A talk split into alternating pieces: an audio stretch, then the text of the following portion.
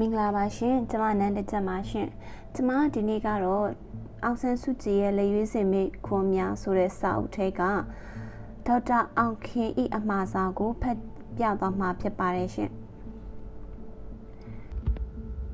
ကျောင်းသားများကသူတို့ခံစားနေရသောဘဝနာကြီးချက်များကို ထုတ်ဖော်၍ဆန္ဒပြကြွကြော်နေရာကစတင်လာသော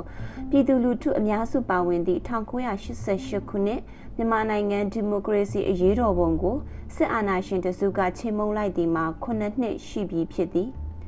အသက်ပေါင်းများစွာဆုံးရှုံးခံ၍ငြိမ်းချမ်းစွာ လူထုဆန္ဒတင်ပြသောအရေးတော်ပုံကြီးဖြုတ်ခွင်းခံလိုက်ရသည်ကိုပြည်သူတို့ကမကျေနပ်ကြ ထို့ကြောင့်လည်း1988ခုနှစ်ကာလကပေါ်ပေါက်လာသောဒေါ်အောင်ဆန်းစုကြည်ဦးဆောင်သည့်အမျိုးသားဒီမိုကရေစီအဖွဲ့ချုပ် NLDR 1990ပြည့်နှစ်ရွေးကောက်ပွဲတွင်ပြည်သူအများကမဲဆန္ဒပေး၍ထောက်ခံလိုက်ကြခြင်းဖြစ်ပေသည်ဤရွေးကောက်ပွဲတွင်ထင်ရှားသောထူးခြားသည့်လက္ခဏာနှစ်ရပ်ရှိ၏ပထမထူးခြားချက်မှာစစ်အရာရှိအရာခံတက်ကြနှင့်တက်တာအများအပြားက NLDR ထောက်ခံမဲပေးခဲ့ကြခြင်းဖြစ်သည် ဒုတိယအချက်မှာ1962ခုနှစ်မှစ၍မျော်လင့်အားထားဖွယ်အတူယူဖွယ်လေးစားချစ်ခင်ဖွယ်နိုင်ငံကောင်းဆောင်ဟူ၍မပေါ်ပေါက်ခဲ့သည့်မြန်မာပြည်တွင်ပြည်သူတို့ကအောင်ဆန်းစုကြည်ကိုခေါင်းဆောင်အဖြစ်တင်မြှောက်လိုက်ကြခြင်းဖြစ်ပေသည်ခေါင်းဆောင်မဲ့ဘဝ၌နှစ်ပေါင်းများစွာဖိနှိပ်ခံနေရသောပြည်သူလူထုကဗိုလ်ချုပ်အောင်ဆန်းပြန်အသက်ဝင်လာပြီးဟူထင်မဲ့ကြသည်မှာလည်းတဘာဝယုတ်တိရှိပေ၏ ဒေါ်စုကိုနေအိမ်တွင်ဖမ်းဆီးထိန်းသိမ်းထားတော်လဲဒေါ်စုတီထောင်ထားသော NLD ကပင်ရွေးကောက်ပွဲအနိုင်ရရှိသည်ကိုစစ်အာဏာရှင်တို့ကအတိအမှန်မပြုကြချေအချိန်ကာလကြာညောင်းလာသည်နှင့်အမျှအသက်ပေါင်းများစွာအသေးခံ၍ကျူပန်းခဲ့ကြသောရီမန်းချက်များလည်းသိရကြဖြစ်ရတော်မူလောမြမပြည်သားတို့ဤအားနှင့်ချက်မှာကောက်ယုံမိပမာသာခဏတာခံသောစိတ်သက်ဖြစ်သည်ဖြင့်ကြားလျင်မေ့မည်ဟုယူဆကာ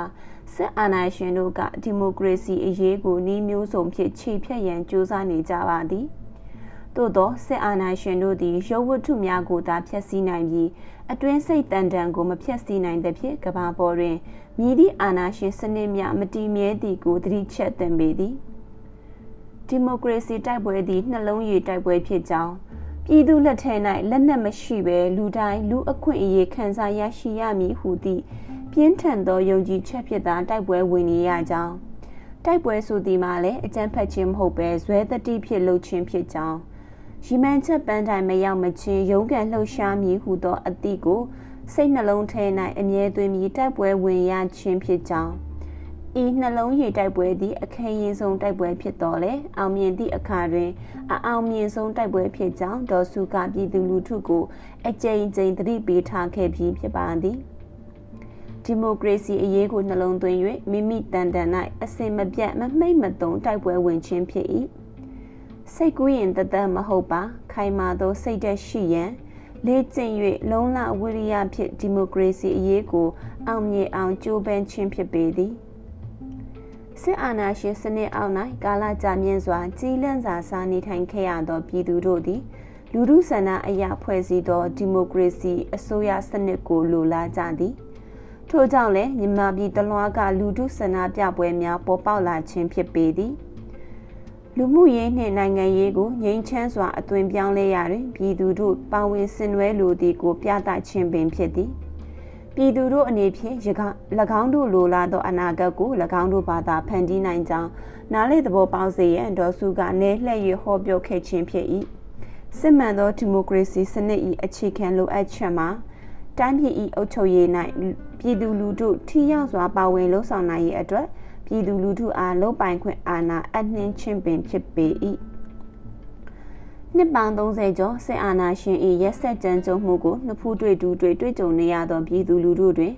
အာဏာရှိသူအားကြောက်ရွံ့နေသည့်အလေးအကျဉ်ဆွဲကပ်လာပါသည်သို့သောအချောင်းတိုင်းကြောက်ရွံ့နေခြင်းမဟုတ်ပဲအာမတန်၍မဲလျှော့နေသည့်သဘောပင်ဖြစ်သည်ဟုလည်းယူဆနိုင်၏ ပြည်တွင်း၌လူထုကိုမဆိုထားနှင့်နိုင်ငံသားတွင်နှစ်ပေါင်းများစွာနေထိုင်လျက်ရှိသောမြန်မာအများ၌ပင်လင်ကြောက်တတ်သည့်ဒလိအယိုဆွဲနေပါသည်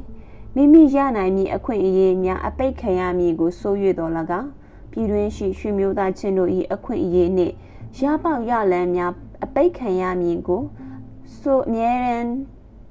တွေးနေ၍တော်၎င်းအယိုးဆွဲနေသောကြောက်စိတ်များကိုမဖြောက်ဖြတ်နိုင်ပဲ ဖြစ်နေရပါသည်ဤသို့သောစိတ်ထားနှင့်ဆက်လျင်း၍ကြောင်ရွံ့ခြင်းမှကင်းလို့ရေးစာအုပ်၌ဒေါ်စုကအကျယ်တဝင့်ရှင်းလင်းထားပြီးဖြစ်ပါသည်အမျိုးသားဒီမိုကရေစီအဖွဲ့ချုပ် NLD ကိုကိုယ်တိုင်အားပေးချင်တော့လေကြောက်၍နိုင်ငံရေးထဲမပါလို့ကြောင်းရွေးကောက်ပွဲကြားမှာထောက်ခံမဲပေးတော့မိအကြောင်းပြောဆိုလာသည့်ကိုဒေါ်စုမကြခဏကြခဲ့ရပါသည် တချို့ကလည်းမကြောက်တတ်အောင်ဘယ်လိုလုပ်ရမလဲဟုပြောင်းပင်မေးလာကြပါသည်ကြောင်စိတ်ပြောင်းအောင်လုပ်တဲ့နီလန်းမှာမိမိကိုမိမိပြုပြင်သောနီလန်းပင်ဖြစ်သဖြင့်မိမိ၏ကြောက်စိတ်ထက်ပုံမှုပြင်းထန်သောခံယူချက်ကိုမွေးယူခြင်းဖြင့်ကြောက်စိတ်ကိုကြော်လွှားနိုင်ကြောင်းဒေါ်စုကရှင်းပြရသည်တတိရှိသည်ဆိုရ၌မကြောက်တတ်သည်ကိုဆိုလိုခြင်းမဟုတ်ပဲ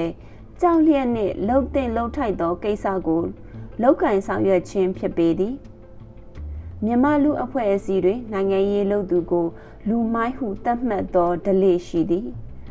ကိုလိုနီခေတ်တုန်းကပဲလဲအခဖမ်းခံရမည်ကိုမကြောက်ပဲအများအကျိုးအတွက်လွတ်လပ်ရေးရရှိရန်ကြိုးစားနေသူများကို လူမိုက်ဟုသတ်မှတ်ခဲ့ကြပြီးမိမိကိုယ်ကျိုးအတွက်အပတ်တကုတ်စ조사အားထုတ်သူများကိုသာလူလိမ္မာဟုယူဆကြ၏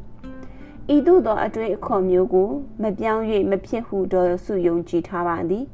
နိုင်ငံရေးဟူသည်မှာတမျိုးသားလုံး၏အရေးဖြစ်သည်ဖြင့်လူတိုင်းနှင့်သက်ဆိုင်သောကိစ္စပင်ဖြစ်ပေသည်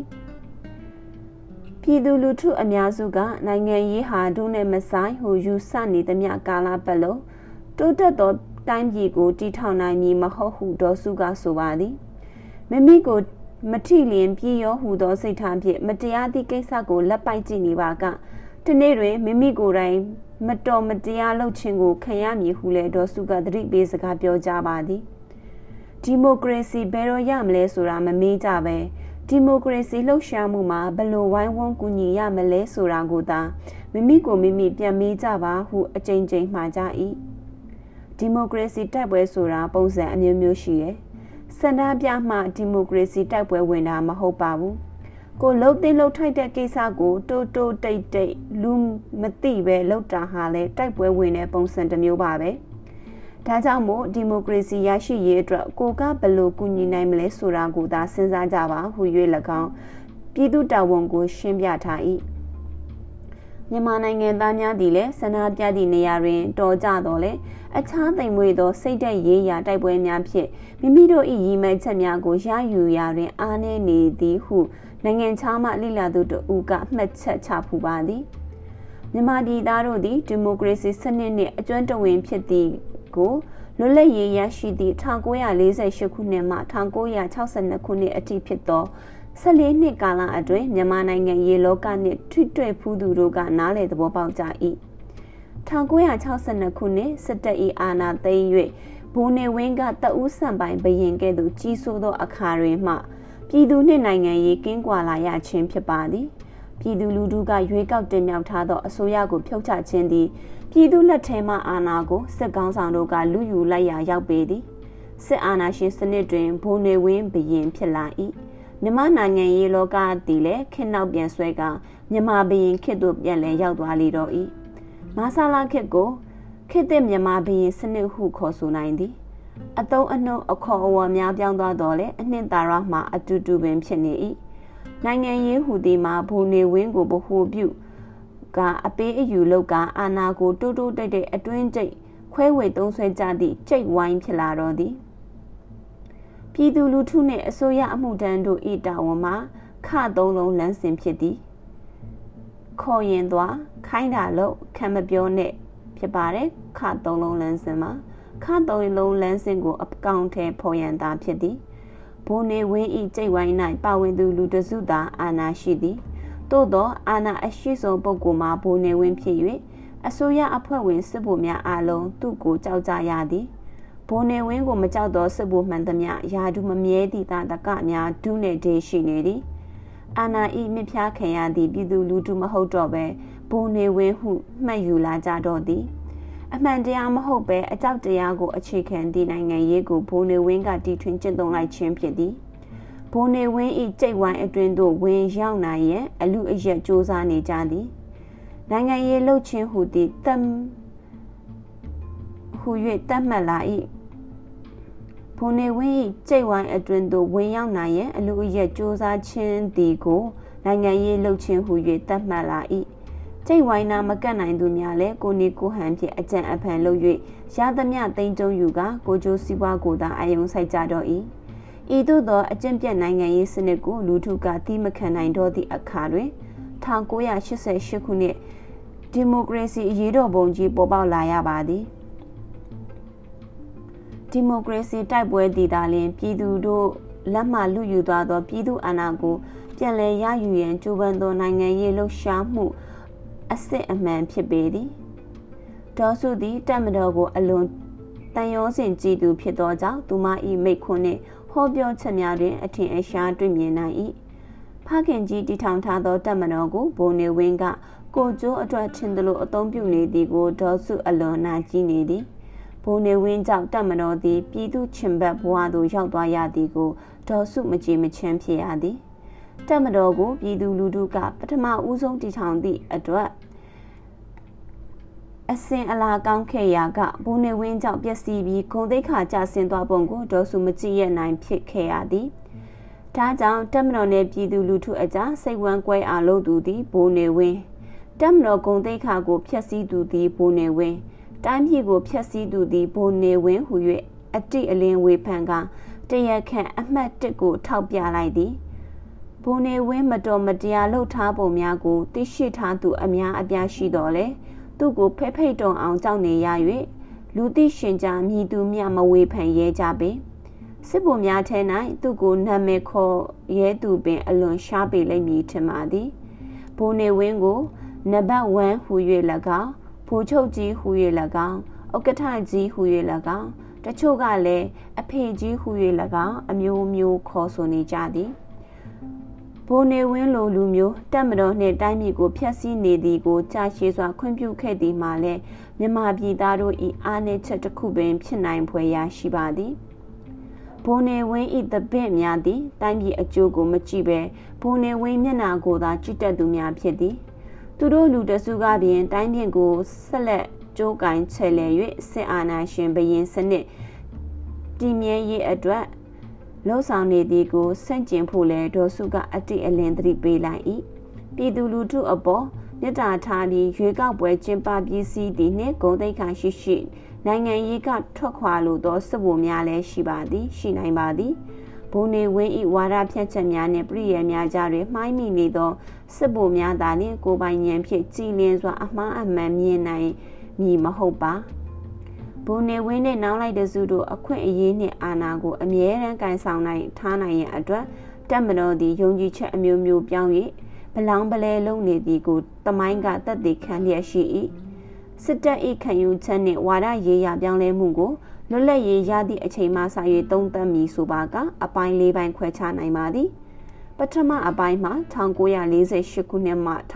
1955အထိဖြစ်သည်ဤအပိုင်းသည်စစ်ကောင်ဆောင်တို့သည် ပြည်တိရှစစ်မစ်ရှင်နှင့်လက်တွဲ၍လှုပ်ဆောင်ခဲ့ရသဖြင့်စစ်တပ်သည်ဝန်ထမ်းတသက်ဖြစ်ပြီးနိုင်ငံရေးယုံကြည်ချက်ဟူ၍မရှိပါထိုစဉ်ကအာဏာရနိုင်ငံရေးပါတီကြီးဖြစ်သောဖာစာပါလာအဖွဲ့နှစ်ချမ်းကွဲသွားသည့်အချိန်တွင်မှစစ်တပ်၏ယုံကြည်ချက်ဟူ၍ပေါ်ပေါက်လာခြင်းဖြစ်သည်ဒုတိယပိုင်းမှာ1956မှ1962အထိဖြစ်သည်ဤကာလတွင် 1940ခုဖွဲ့စည်းပုံအခြေခံဥပဒေကိုထိန်းသိမ်းဆောင်ရှောက်ရေးတည်တာလင်စစ်တပ်၏ဝါဒဖြစ်သည်1958ခုနှစ်အောက်တိုဘာလ22ရက်နေ့မိထီလာမြို့၌ကျင်းပသောတပ်မှုများညီလာခံတွင်နိုင်ငံတော်ဝါဒတပ်မတော်လုပ်ငန်းစဉ်စသောစစ်တပ်၏ယုံကြည်ချက်စာတမ်းကိုအတည်ပြုကြပါသည်ထိုစင်မှစ၍ဒုတာဝန်အရေးသုံးပါးကိုစစ်တပ်မှကြွေးကြော်လာခြင်းဖြစ်သည် ရဲရွာအေးချမ်းရေးနှင့်တရားဥပဒေစိုးမိုးရေးဒီမိုကရေစီထွန်းကားရေးနှင့်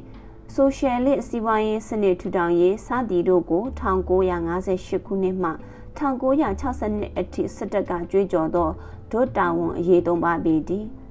စစ်တပ်၏ရည်မှန်းချက်ပန်းတိုင်းကို ပထမကြီးညာခြင်းဖြစ်သည်စစ်တပ်သည်တပါတီအာဏာရှင်စနစ်ကိုဆန့်ကျင်ကြောင်းမင်းဆိုးမင်းညစ်များကို တော်လှန်လေးရှိသောနိုင်ငံသား တော်လှန်လေးရှိသောနိုင်ငံသားတို့မဟုတ်မခံသောစိတ်ဓာတ်ကိုလေးစားကြောင်းအကျဉ်းသားဘဝကဒဒီမိုကရေစီမျိုးကိုမလို့မယုံကြည်ကြောင်းကြောက်လန့်မှုကင်းသောစိုးရိမ်မှုကင်းသော လူသိက္ခာနှင့်လျော်ညီသောလွတ်လပ်မှုရှိသောဒီမိုကရေစီမျိုးကိုယုံကြည်ကြောင်းအတိအလင်းကြေညာထားပါသည်စစ်တပ်သည်ပါတီနိုင်ငံရေးနှင့်ကင်းရှင်းပြီးတိုင်းပြည်အရေးကိုသာကြည်ကြောင်းကြေညာပြီးကြေညာပြီး1958မှ1960အထိ တနှစ်ခွဲခန့်အိမ်ဆောင်အစိုးရလုပ်လိုက်သေး၏ဤအချိန်မှစ၍စစ်တပ်ကုံတိတ်ခါကြကပြည်သူလူထုကမယုံမကြည်ဖြစ်လာခြင်းဖြစ်၏စစ်ဗိုလ်တချို့လိုလားသောတီမြဲဖာစာပါလာအဖွဲ့1962ရွေးကောက်ပွဲတွင် အရှုံးကြီးရှုံးကဦးနု၏ပါထဆပါတီအနိုင်ရခြင်းသည်စစ်တပ်ကအုပ်ချုပ်မင်းလုပ်သည်ကို လူထုကဆန့်ကျင်ကန့်ကွက်လိုက်ခြင်းဖြစ်ပေသည်စစ်အစိုးရအုပ်ချုပ်သောနိုင်ငံများ နိုင်ငံများတွင်သာစစ်တပ်ကိုဆက်ရှုံးမုံတီးမှုများရှိကြပါသည်ဤတီကိုသင်ခန်းစာယူ၍ကြွေးကြော်တန်အတိုင်းစစ်မှန်သောဒီမိုကရေစီကိုသာစစ်တပ်ကဆက်လက်ထောက်ခံနေပါကတိုင်းပြည်လည်းအထိနာစရာမရှိစစ်တပ်လည်းဂုံတိတ်ခါကြစရာအကြောင်းမရှိပါသို့သောဘူနေဝင်းအဖို့ကိုလက်ဝဲအာဏာရရှိရေးသည်စစ်တပ်၏ဒုတာဝန်အရေးသုံးပါထပ်ပို၍အရေးကြီးနေပါသည် ထို့ကြောင့်တင်မြဲဖားစာပါလာနှင့်အဆက်အသွယ်ရှိသော ထိပ်ပိုင်းစစ်ဗိုလ်အားလုံးကို အကြောင်းအမျိုးမျိုးရှာပြီး1960 1961ကာလအတွင်းစစ်တပ်ကထုတ်ပစ်လိုက်တော်သည်တတိယပိုင်းကာလမှာ1962ခုနှစ်မှ1988ခုနှစ်အထိမဆာလာခေဖြစ်သည်မိထီလာတမှုများညီလာခံကြီးညာချက်ပါဒီမိုကရေစီထွန်းကားရေးကိစ္စကို26နှစ်လုံးလုံး ကြောခိုင်း၍စစ်တပ်ကမယုံကြည်ဟုကြေညာထားသောတပါတီအာဏာရှင်စနစ်ကိုထီထောင်တော်သည်တပါတီအာဏာရှင်စနစ်ကိုပြည်သူကလက်မခံနိုင်ကြောင်း1988အရေးတော်ပုံကြီးကပြသလိုက်သောအခါတွင်ဘုံနေဝင်းစစ်တပ်သည်လည်းဝါဒယုံကြည်ချက်ကိုချက်ချင်းပြောင်းလဲရပြန်သည်စတုဘထပိုင်းကာလမှာ1988ခုနှစ်မှယနေ့အထိနာဝတခေတ်ဖြစ်သည်မဆလာခေတ်က26နှစ်လုံးလုံးမယုံကြည် ထက်ကတလဲလဲဘိုးနဝင်းကိုယ်တိုင်ပြောခဲ့သောဒီမိုကရေစီနဲ့အရင်ရှင်စည်းကွက်စီးပွားရေးစနစ်ကိုဒီမိုကရေစီနဲ့အာဈေးကွက်စီးပွားရေးစနစ်ကိုယုံကြည်ပါသည်ဟုစစ်တပ်ကပြောလာရပြန်ပြီးချီပြောလာရပြန်ချီပြီးစစ်တပ်သည်ပြည်သူလူထု၏လူရင်းဆန္ဒကိုမလိုက်လျောပဲဘိုးနေဝင်း၏အမိတ်ကိုသာနာခံနေတမျှကာလပတ်လုံး ပြည်သူတို့၏ယုံကြည်လေးစားမှုကိုရရှိမည်မဟုတ်ပါပြည်သူလူထုကြားမှပေါက်ဖွာလာသောစစ်တပ်သည်ပြည်သူအကျိုးသေးဘူးညီအစားဘုံနေဝင်းဤခိုင်းဘက်ဘွားတွင်ဏီကုံချုပ်ရသည်မှာတိုင်းပြည်အတွက်ဆုံးရှုံးမှုပင်ဖြစ်၏ဗိုလ်ချုပ်အောင်ဆန်းခေါင်းဆောင်စစ်ခေါင်းဆောင်ဘဝတွင်စစ်တပ်မှအမှန်ကန်သောလမ်းပေါ်တွေတင်ပေးထားခဲ့သည်ကိုဘုံနေဝင်းကလှမ်းလမ်းမရအောင်တွန်းပို့နေတဲ့ပြေတော်စုကမနေသာတော့ပဲတရခန့်အစ်စ်ကိုထောက်ပြရခြင်းဖြစ်၏ မိမိအာဏာတည်မြဲရေးတစ်ခုတည်းအတွက်နိုင်ငံရေးခံယူချက်ကိုအမျိုးမျိုးပြောင်း၍ဘလောင်ပလဲလုံးနေသောဘုံနေဝင်းသည်အသက်ကြီးကမှနိုင်ငံရေးချွချုံကြသည့်ဘဝသို့ရောက်ရှိနေပြီဖြစ်သည်ပြင်ပလောကနှင့်ထိတွေ့ဆက်ဆံနိုင်လောက်သည့်တိတ်ခါတောင်မကြံတော့သည့်အဖြစ်သို့ရောက်ရှိနေပြီဖြစ်ပါသည်ဘုံနေဝင်းအမိတ်ဖြစ်ခံယူချက်တစ်ခုပြီးတစ်ခုပြောင်းကအမောက်မောက်အမှားမှားဖြစ်ရတော့သည်စစ်တပ်အနေဖြင့်မိမိကိုမိမိအဖက်ဆန်နိုင်ရန်လိုအပ်ပေသည် လူထု၏စစ်မှန်သောထောက်ခံမှုကိုမရရှိပါကမည်သို့အဖွဲ့အစည်းများရီမန်းချက်အောင်မြင်နိုင်မည်မဟုတ်ပါတကဘာလုံးနှင့်ပြည်သူလူထုတရက်လုံးက1990ပြည့်နှစ်အထွေထွေရွေးကောက်ပွဲ၏ရလဒ်ကိုယူသေးလေးစား၍အယက်တာအစိုးရဖွဲ့ပေးရန်စစ်တပ်ကိုတိုက်တွန်းနေသည်စစ်တပ်ထဲ၌ဘုံနေဝင်းဤကိုဘွားလေးများမွေးထားသဖြင့်လက်နက်အားကိုဖြင့်နိုင်ငံရေးအာဏာကိုစုပ်ကိုင်ထားလို့သူများကသာလောလောဆယ်ကြီးစိုးနေကြ၏၎ င်းတို့၏အဖေကြီးကဲ့သို့လည်း၎င်းတို့သည်လည်းကွဲပြားခြားနာသောအယူအဆများကိုလက်ခံဆွေးနွေးနိုင်သောအရေးချင်းမရှိဖြစ်နေရှာ၏စစ်အာဏာရှင်စနစ်ကိုမဆလာခေ၌ဆိုရှယ်လစ်အရေးခြုံပေးခဲ့သည့်ဤတူနာဝတာခေတ်တွင်ဈေးကွက်စီးပွားရေးအရေးခြုံပေးသဖြင့်ပြည်သူလူထု၏ဒီမိုကရေစီနှင့်လူအခွင့်အရေးရည်မှန်းချက်များအချိန်ကြာလာသည်နှင့်ကြောက်ွယ်သွားမည်ဟုစစ်ကောင်းဆောင်တစုကယူဆနေပုံရသည်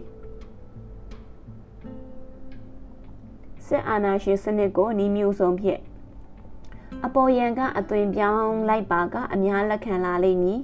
မာဆာလာခေတ်၌တစ်ဖက်သက်ထင်ရမြင်ရလောက်ခဲ့သည်ကိုပင်26နှစ်တတိုင်လောက်လက်ခံခဲ့ကြသည်မဟုတ်ပါလားဟူ၍၎င်းအာနာယစစ်ဗိုလ်များကတွင်းနေပုံရ၏နဝတာ၏လုံပုံကိုင်ပုံမှာမာဆာလာနှင့်တိတ်မထူမာဆာလာကဲ့သို့ပင်နဝတာသည်လည်းပြည်သူလူထုကိုပုံသွင်းရန်ကြိုးပမ်းနေ၏ ပြည်သူလူထုကိုဖိနှိပ်ကအာဏာသုံး၍ပုံသွင်းရာတွင် ကုန်ကြစရိတ်ကလည်းနဲလှသည်မဟုတ်ပါသို့သောမြင်မြပြင်လွှမ်းမိုးရန်ပုံသွင်းရန်ကြိုးစားစေကမူလူစိတ်ဆိုသည်မှာရှင်းသောပုံသွင်းလွှမ်းမိုးရန်ကြိုးစားလာသည်ကိုထူးဆန်းစွာစန့်ကျင်၍အမှန်တရားကိုသိရှိလိုပေသည်ဈေးကွက်စီးပွားရေးစသည်နှင့်စက်တက်ကစပြီးပြောင်ပြောင်တင်းတင်းကမ္ပဏီထောင်သည် အာနာရှိသူတို့၏ရွှေမျိုးမိတ်တင်ကဟများနေချင်းညချင်းကြီးပွားသွား၏စစ်ဘုံနှင့်အဆက်အသွယ်မရှိသောအရက်သားများမှလည်းဘဝရက်တည်ရေးနှင့်ကြီးပွားတိုးတက်ရေးအတွက်ကြောင်ကြောင်နှင့်ကမ်ပဏီထောင်ကြရ၏အာနာရှိသူတို့ကမလိုလားသည့်အခါတွင်အပြစ်ရှာပြီးအပြစ်ရှာမည်ကိုအမြဲတမ်းစိုးရိမ်နေကြရသောအရက်သားများသည်လွတ်လပ်စွာစီးပွားရေးမလုပ်နိုင်ကြပါ မာဆာလာခစ်ကကြိတ်ဝိုင်းစနစ်ကိုနာဝတာခစ်တွင်ပြန်လည်အသက်သွင်းလာသည်နာဝတာစစ်ဗိုလ်များသည်ပို၍ပြင်ချမ်းသာကြသည်ဘူနေဝင်းအိမ်ထဲကမထွက်တော့သဖြင့်သူတို့ကိုဖြုံမိပုတ်ကိုလည်းမရှိတော့လွတ်လပ်သောကြိတ်ဝိုင်းပေါ်လာတော့သည်စီးပွားရေးကိုသာပြောင်းလဲကနိုင်ငံရေးတွင်ပြည်သူဆန္ဒကိုဘေးချိတ်ထားခြင်းဖြစ်သည်အာဏာပိုင်အတိုင်းဝိုင်း၏ပုဂ္ဂလိကအကျိုးစီးပွားကို ပုဂ္ဂလိကအကျိုးစီးပွားကိုမြင့်တင်ရာရောက်ပေသည်မာဆာလာခေတ်တွင်မိမိလုပ်ငန်းလုပ်ပိုင်ခွင့်အာဏာရရှိထားစဉ်အချိန်၌ရသမျှတင်ကြုံယူမည်ဟုသောစိတ်ထားဖြင့်ငါတကောကောကြ၍တိုင်းပြည်ပျက်စီးခရသည်ကိုလည်းသင်ခန်းစာယူသင်ပေသည်ဘိုနေဝင်းနှင့်တပည့်များက၎င်းတို့အားထောက်ခံသူများကိုအခွင့်အာဏာများပေးအပ်၍ကိုကျိုးရှာခွင့်ပြုထားခြင်းသည်၎င်းတို့ကိုတစ္ဆာဆောင်သည့်သောကြောင့်ပေးထားသောဆုလန်သဘောသာဖြစ်ပေသည် စီယံမွဲတွေ့နေသောတိုင်းပြည်တွင်မတထရေးစားစား၍ရုပ်ဝတ္ထုများစုဆောင်းနေကြခြင်းသည်စစ်မှန်သောချမ်းသာမှုမဟုတ်ပါပြည်သူလူထုလေးစားထောက်ခံသောနိုင်ငံရေးကင်းရှင်းသောတပ်မတော်အရာရှိများသည့်သာလျှင်မတရားအပိုအရှံများမရှိတော့လေပတ်ဝန်းကျင်ဤခင်မင်းရင်းနှီးမှုလူမှုရေးလုံခြုံမှုစိတ်လွတ်လပ်မှုစသည့်အကျိုးထူးများကိုရရှိခံစားရမည့်အတွက်ကိုရောစိတ်ပါအတိုင်းထက်အလွန်ချမ်းသာမည်ဖြစ်ပါသည် စမှုထမ်းများကို အထူးအခွင့်အထူးခွင့်အထူးခံလူဒန်းစားတရက်အနေဖြင့်သတ်မှတ်ကစစ်အစိုးရကကြောသားရင်သားခွဲခြား၍ဆက်ဆံခြင်းကြောင့်ပင်တမနော်နှင့်ပြည်သူလူထုအကြားစိတ်ဝမ်းကွဲရခြင်းဖြစ်သည်တကယ်တမ်းစဉ်းစားမိဆိုပါကတမတော်သားဆိုသည်မှာလည်းပြည်သူထဲကပဲဖြစ်သည်ဖြစ်ပြည်သူလူထုကိုစိတ်နှပြချမ်းသာသည့်အခါမှတမတော်သားများလည်း မတရားမလုပ်ရပဲစာဝတ်နေ၍ပုံမကောင်းမွန်လာမည်ဖြစ်သည်အာနာရှင်တို့သည်ပြောင်းလဲမှုကိုကြောက်ရွံ့ကြ၏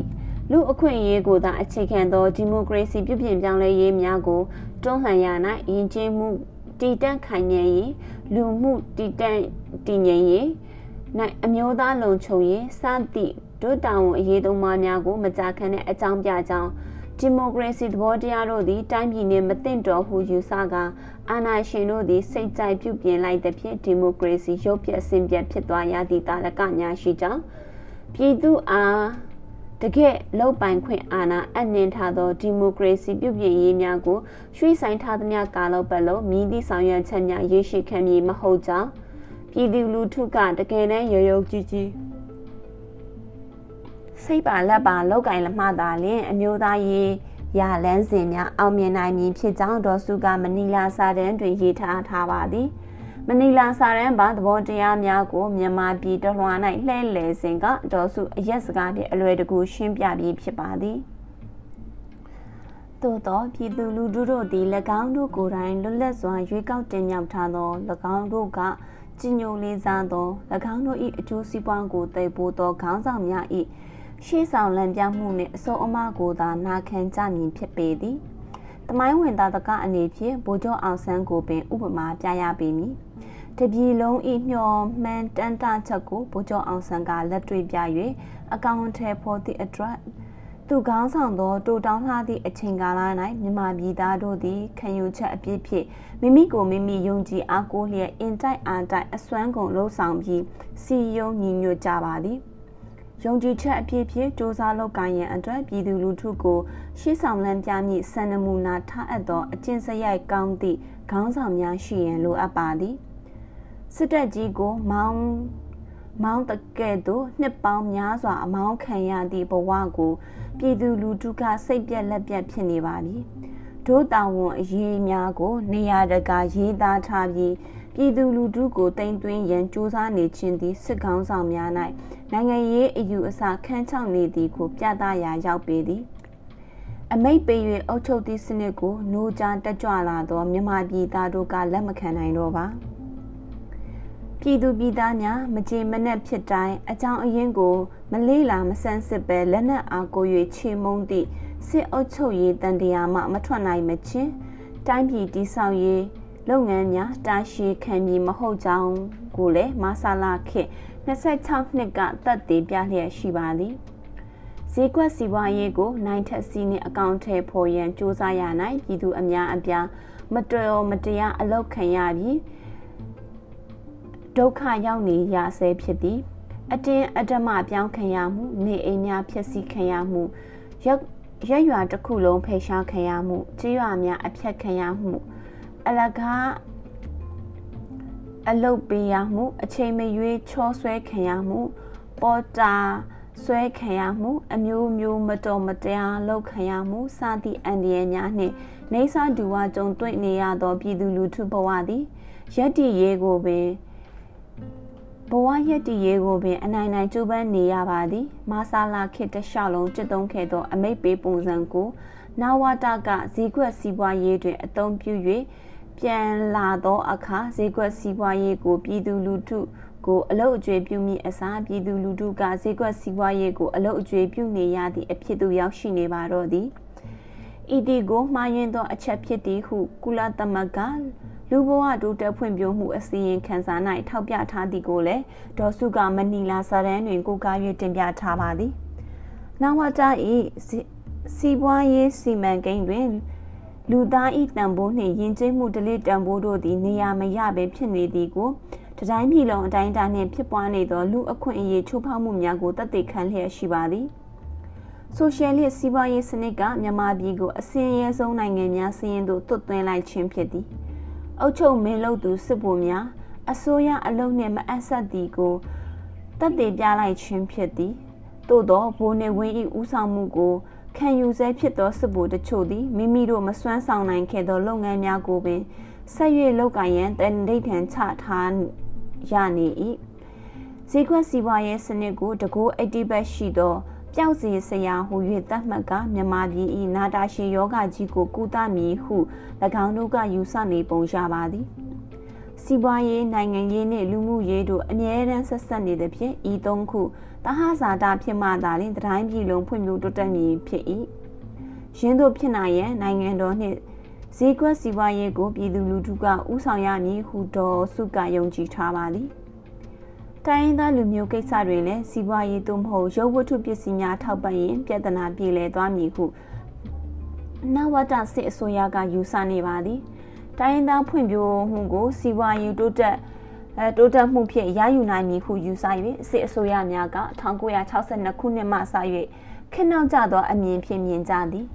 လူဘဝတန်ဖိုးနှင့်ယဉ်ကျေးမှုဒလိတန်ဖိုးကိုအလေးထားရန်ပြက်ကွက်နေဆဲဖြစ်၍တိုင်းရင်းသားလူမျိုးများ၏ခံယူချက်နာကြည့်ချက်နှင့်လိုလားချက်များကိုကောင်းစွာနားမလည်နိုင်သေးပဲဖြစ်နေသည်မဆာလာကဲ့သို့ပင်နာဝတသည်လည်းတိုင်းရင်းသားများကိုအပေါ်စီးမှကန်၍အနိုင်ယူပြီးဆက်ဆံနေ၏ ထိုင်းသားများအားရုပ်ပိုင်းဆိုင်ရာအခြေခံလိုအပ်ချက်ပေးုံဖြင့်၎င်းတို့သည်တိုင်းပြည်၏နိုင်ငံသားအစစ်အမှန်ဖြစ်သည်ဟုသောခန်းစားချက်ကိုပေါ်ပေါက်စေနိုင်ကြောင်းတိုင်းရင်းသားတို့၏တစ္ဆာဆောက်တည်မှုကိုတောင်းဆိုနေသောနိုင်ငံတော်၏ကံကြမ္မာကိုဖန်တီးရတွင်လည်းတိုင်းရင်းသားများသည်လည်းတက်ကြွသောအခမ်းကဏ္ဍကပါဝင်နိုင်သည်ဟူသောယုံကြည်ချက်ရှိရန်လိုအပ်ကြောင်းဒေါ်စုကမနီလာစာတမ်းတွင်ရေးသားထားသည်ပြည်ထောင်စုအစ်စ်အမှန်ကိုတိဆောက်လိုပါက အောက်ခြေကစ၍လှုပ်ရှားရပေမည်ပြည်အောင်စုတစ်ခုလုံးကောင်းကျိုးအတွက်တိုင်းသားလူမျိုးများကလည်းကိုကျိုးကိုစွန့်ပြီးအများအကျိုးအတွက်တတ်နိုင်သည့်ဘက်ကလောက်ကင်ပြီးဟူသောခံယူချက်ရှိရန်လိုပါသည်ရင်းတို့သောယုံကြည်ချက်မရှိပါကမိမိတို့လိုချင်သောပြည်အောင်စုကိုတည်ထောင်နိုင်မည်မဟုတ်ဟုသောစုက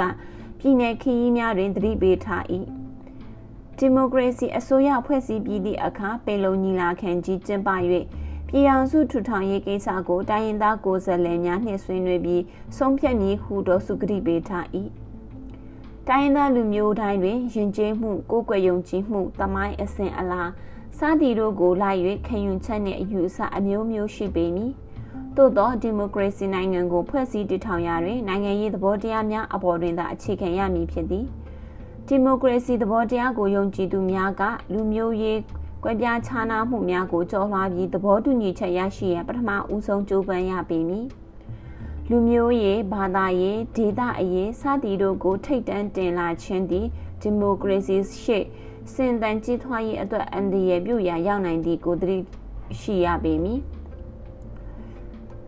လူမျိုးရေးကိုသာအဓိကထားပင် အဓိကဦးစားပေးလွန်းသောအဖွဲ့အစည်းများသည်ဂျာမနီနိုင်ငံ၏နာဇီပါတီတမိုင်းကိုသင်ခန်းစာယူသင်ပေသည်နှစ်ပေါင်းများစွာစစ်အာဏာရှင်စနစ်ကိုကျင့်သုံးလာသောကြောင့်မြန်မာပြည်တွင်လူမှုရေးကွဲပြားခြားနာချက်နှက်ဆိုင်လာသည့်အဖြစ်သို့ရောက်ရှိလာပြီးဖြစ်သည်ဖြင့်ဒီမိုကရေစီအင်အားစုများစီလုံးညီညွတ်မှုရရှိရ၌အခက်အခဲများရှိနေပါသည်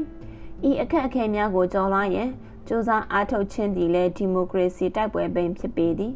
မြန်မာပြည်ပွားတိုင်းရင်းသားများအချင်းချင်းစီဝါအစည်းပြေဝါအစည်းပြေတကဲ့သို့စီလုံးညီညွတ်မှုပြက်ပြယ်နေသောကြောင့်ဆင်အာဏာရှင်စနစ်ရှင်သန်နေရခြင်းဖြစ်သည်တိုင်းရင်းသားစီလုံးညီညွတ်မှုကိုရယူနိုင်ခြင်းကြောင့်လွတ်လပ်ရေးရခဲ့သည်မှာအထင်ရှားအထင်ရှားဆုံးသမိုင်းသင်ခန်းစာပင်ဖြစ်သည်အပေါ်ယံစီးပွားရေးပြောင်းလဲမှုကိုတန်လျက်ရေးထင်ကဒီမိုကရေစီအရေးကိုမိသွားကြသူများရှိလာပါသည် လက်တလောစီးပွားရေးအပြောင်းအလဲဖြစ်လာစဉ်အစားချောင်အနေချောင်ဖြစ်လာသူများသည်နိုင်ငံရေးစကားမပြောလိုကြတော့နိုင်ငံခြားတွင်ဒီမိုကရေစီအရေးအတွက်လှုပ်ရှားနေကြသူများထဲ၌ပင်မြန်မာပြည်ကိုအလဲအပတ်ပြန်ခွင့်မရမည်ကိုကြောက်လန့်ကနိုင်ငံရေးစကားမပြောချင်တော့သူများရှိလာသည်မိမိ၏စီးပွားရေးထိခိုက်မည်ကိုစိုးရိမ်၍မမှန်ကန်သောစီးပွားရေးစနစ်ကိုလစ်လျူရှုထားခြင်းဖြစ်သည်ဖြင့် ရေရှည်တွင်မိမိအကျိုးစီးပွားကိုပါထိခိုက်လာမည်ကိုသတိပြုသင့်ပေသည်အုပ်ချုပ်ရေးစနစ်နှင့်နိုင်ငံရေးစနစ်မှန်ကန်မှသာလျှင်မှန်ကန်သောတိုးတက်ဖွံ့ဖြိုးမှုကိုရရှိနိုင်မည်ဖြစ်သည်ဖြင့်စီးပွားရေးကိုနိုင်ငံရေးထက်ပို၍ဦးစားပေး၍မဖြစ်ဟုသောစုကယူဆသည်ဒီမိုကရေစီအရေးအောင်မြင်ဖို့ကိစ္စသည်ပြည်သူလူထု၏ခိုင်မာသောစိတ်ဆန္ဒအပေါ်တွင်မူတည်နေသဖြင့် ဇွဲရှိရန်အမြင်ကျရန်ရေရှည်အမြင်နှင့်မြင်တတ်ရန်အလွန်အရေးကြီးသည်မိမိတွင်ဇွဲမရှိသည်ကိုရိုးသားစွာဝန်မခံပဲဆက်လုံးနေလို့အလကားပါပဲသူတို့ကလက်နဲ့တွေနဲ့တို့ကဘာတက်နိုင်မှာလဲတို့လုံနေလို့လည်းဘာမှမထူးပါဘူးဟုပြောဆိုနေခြင်းသည်ဒီမိုကရေစီနှလုံးရည်တိုက်ပွဲကိုအနှောက်ယှက်ပေးရာရောက်ပါသည်ဒုတိယအကြိမ်လွတ်လပ်ရေး တိုက်ပွဲအောင်မြင်ရန်အတွက်ဒုက္ခဖြစ်ရင်းရမည်ကိုနားလေသဘောပေါက်ရန်လိုအပ်ပါသည်နိုင်ငံခြားအစိုးရများနှင့်အဖွဲ့အစည်းများ၏အကူအညီကိုချီးမြှောမျှော်မှန်းနေကြခြင်းသည်မိမိကိုမိမိယုံကြည်မယုံကြည်ရာရောက်ပေသည်မိမိကိုမိမိအားကိုး၍ပြင်းထန်သောစန္ဒလွန်ကဲသောဝိရိယထက်သန်သောစိတ်ဓာတ်နှင့်ထက်မြက်သောဉာဏ်ပညာတို့ကိုမွေးမြူကြမည်ဆိုပါကမိသည့်ကိစ္စမဆိုအောင်မြင်မည် အထာဟိအထနောနာသောဟူသည့်ဗုဒ္ဓဘာသာသဘောတရားကိုဒေါစုကယုံကြည်မှုအပြည့်ဖြင့်လက်တွေ့ကျင့်သုံးနေခြင်းဖြစ်ပါသည်ဤသို့သောစိတ်ဓာတ်မျိုးဖြင့်မြန်မာပြည်သားတိုင်းလက်လန်းမီရာတအားသွေးကြိုးပမ်းမည်ဆိုပါကဒီမိုကရေစီအရေးသည်အနည်းနှင့်အမြန်အဝဲခံနိုင်မည်ဖြစ်သည်ဒီမိုကရေစီကိုအိမ်မက်မှတ်ပါက ရင်းအိမ်မက်ကိုစူးစမ်းသလောက်အကောင့်ထဲပေါ်ရမည်ကိုဒေါ်စုကအားလုံးကိုနားလည်သဘောပေါက်စေလိုသည့်အတွက် road yet cap link ဤကြပြတပုတ်ကိုတားငယ်မောင်ထိန်လင်းကဂျာမနီနိုင်ငံစုလက်ခံပွဲတစ်ခု၌ရွတ်ဖတ်ခဲ့ပါသည်ငါသည်မင်းဧကရစ်ကိုမမှုဘယင်ကိုလည်းနေရာမပေးတလဖူသုံးခုရှင်ကိုပင် မခရသို့တော့ ငါစိတ်ကူးရင်အိမ်မက်ကို အကောင့်ထဲဖော်နိုင်ခြင်းဟူသော အာနာတကူကဲ့သို့ထက်သောစွမ်းရည်ပိုင်ရှင်ကိုကငါတို့အားလုံးဤသခင်အဖြစ်အတိအမှတ်ပြုသည်တိုင်းပြည်၏အနာဂတ်ကိုဖန်တီးမိလူငယ်များအားဒေါ်စုကယုံကြည်အားထားသည်မြန်မာနိုင်ငံဒီမိုကရေစီတိုက်ပွဲကဲ့သို့စိတ်သက်ကိုအရင်ခံသောနိုင်ငံရေးတိုက်ပွဲ၌အလွန်အရေးကြီးသည့်စိတ်သက်မျိုးကိုကပ်လင်းကပင် အကယ်၍ if ဟူသောကြပြ၌ဖော်ပြထားရာအမျိုးသားဒီမိုကရေစီအဖွဲ့ချုပ်၏စီယုံရေးတာဝန်ခံများစီယုံရေးမစင်းမီ1988ခုနှစ်နိုဝင်ဘာ24ရက်နေ့၌ကျင်းပသောနှုတ်ဆက်ပွဲတွင်မိခွန်ပြောရင်ရင်းကပြကိုထည့်သွင်းဖက်ကြောင်းသွားသဖြင့်ထိုမိခွန်ကိုအီစာအုပ်၌မပါဝင်တော့လေကြပြကိုပြန်လည်ဖော်ပြထားပါသည်အကယ်၍ အကယ်၍မင်းတိုင်းဝိုင်းကတုံလှုပ်ခြောက်ချပြီးဒါတွေဟာမင်းကြောက်လို့ဝိုင်းဝန်းအပြစ်တင်ကြတဲ့အခါမင်းဟာခေါင်းအေးအေးနဲ့ရင်ဆိုင်နိုင်မယ်ဆိုရင်အကယ်၍လူအလုံးကမင်းကိုမယုံသင်္ကာဖြစ်လာတဲ့အခါသူတို့ကိုနားလေစွာ ခွင့်လွှတ်ရင်းနဲ့မင်းကိုမင်းယုံကြည်မှုအပြည့်ရှိမယ်ဆိုရင်အကယ်၍စောင့်သိမ့်တဲ့အချိန်ကိုစောက်ပြီးအဲ့ဒါအတွက် မမောမပန်းနေနိုင်မယ်ဆိုရင်ဒါမှမဟုတ်မင်းရဲ့အကြောင်းမဟုတ်တရားမှုသားစကားတွေကြားရတဲ့အခါမင်းကလည်းအလိမ်အညာတွေနဲ့မတုတ်ပြန်ဘူးဆိုရင်ဒါမှမဟုတ်မင်းကို လူတကာကဝိုင်းမုန်းတီးတဲ့အခါမင်းဟာအမုန်းတရားတွေမပြန့်ပွားဘူးဆိုရင်ပြီးတော့မင်းကိုမင်းလူတော်တယောက်ရဲ့လို့မမြင်ပဲပညာရှိစကားတွေကိုမလွန်ဆန်ဘူးဆိုရင် အကယ်၍စိတ်ကူးရင်အိမ်မက်ဟာမင်းအပေါ်မလွမ်းမိုးစေပဲစိတ်ကူးနိုင်မယ်ဆိုရင်ပြီးတော့အတွေးအခေါ်စိတ်ကူးတွေဟာရီမန်းချက်တက်တက်တာမဖြစ်ပဲတွေးခေါ်နိုင်မယ်ဆိုရင်အကယ်၍အောင်မြင်မှုဒုက္ခနဲ့ဆုံးရှုံးမှုဒုက္ခတွေကိုကြုံတွေ့ရတဲ့အခါတူညီသောလောကဓာတ်တရားတွေပါလားရဲ့လို့ခံယူထားနိုင်မယ်ဆိုရင်အကယ်၍ မင်းရဲ့မှန်ကန်မင်းရဲ့အမှန်စကားတွေကိုလူလိန်လူညစ်တွေကလှည့်စားပြောင်းလဲပြီးမူသားအဖြစ်ထောင်ချောက်စင်ညစ်တဲ့အခါမင်းဟာတည်ငြိမ်စွာနဲ့နာကြားနိုင်မယ်ဆိုရင်ဒါမှမဟုတ်မင်းဘဝတစ်ခုလုံးပေးပြီးအရေးတကြီးကြီးနဲ့ဖြည့်ဆည်းခဲ့တဲ့အရာကိုဖြည့်ဆည်းခံလိုက်ရပြီးနောက်မှာအင်မတန်သိငယ်လှတဲ့တစားပလာ အရာရာနဲ့ပြန်လဲတိဆောက်နိုင်မယ်ဆိုရင်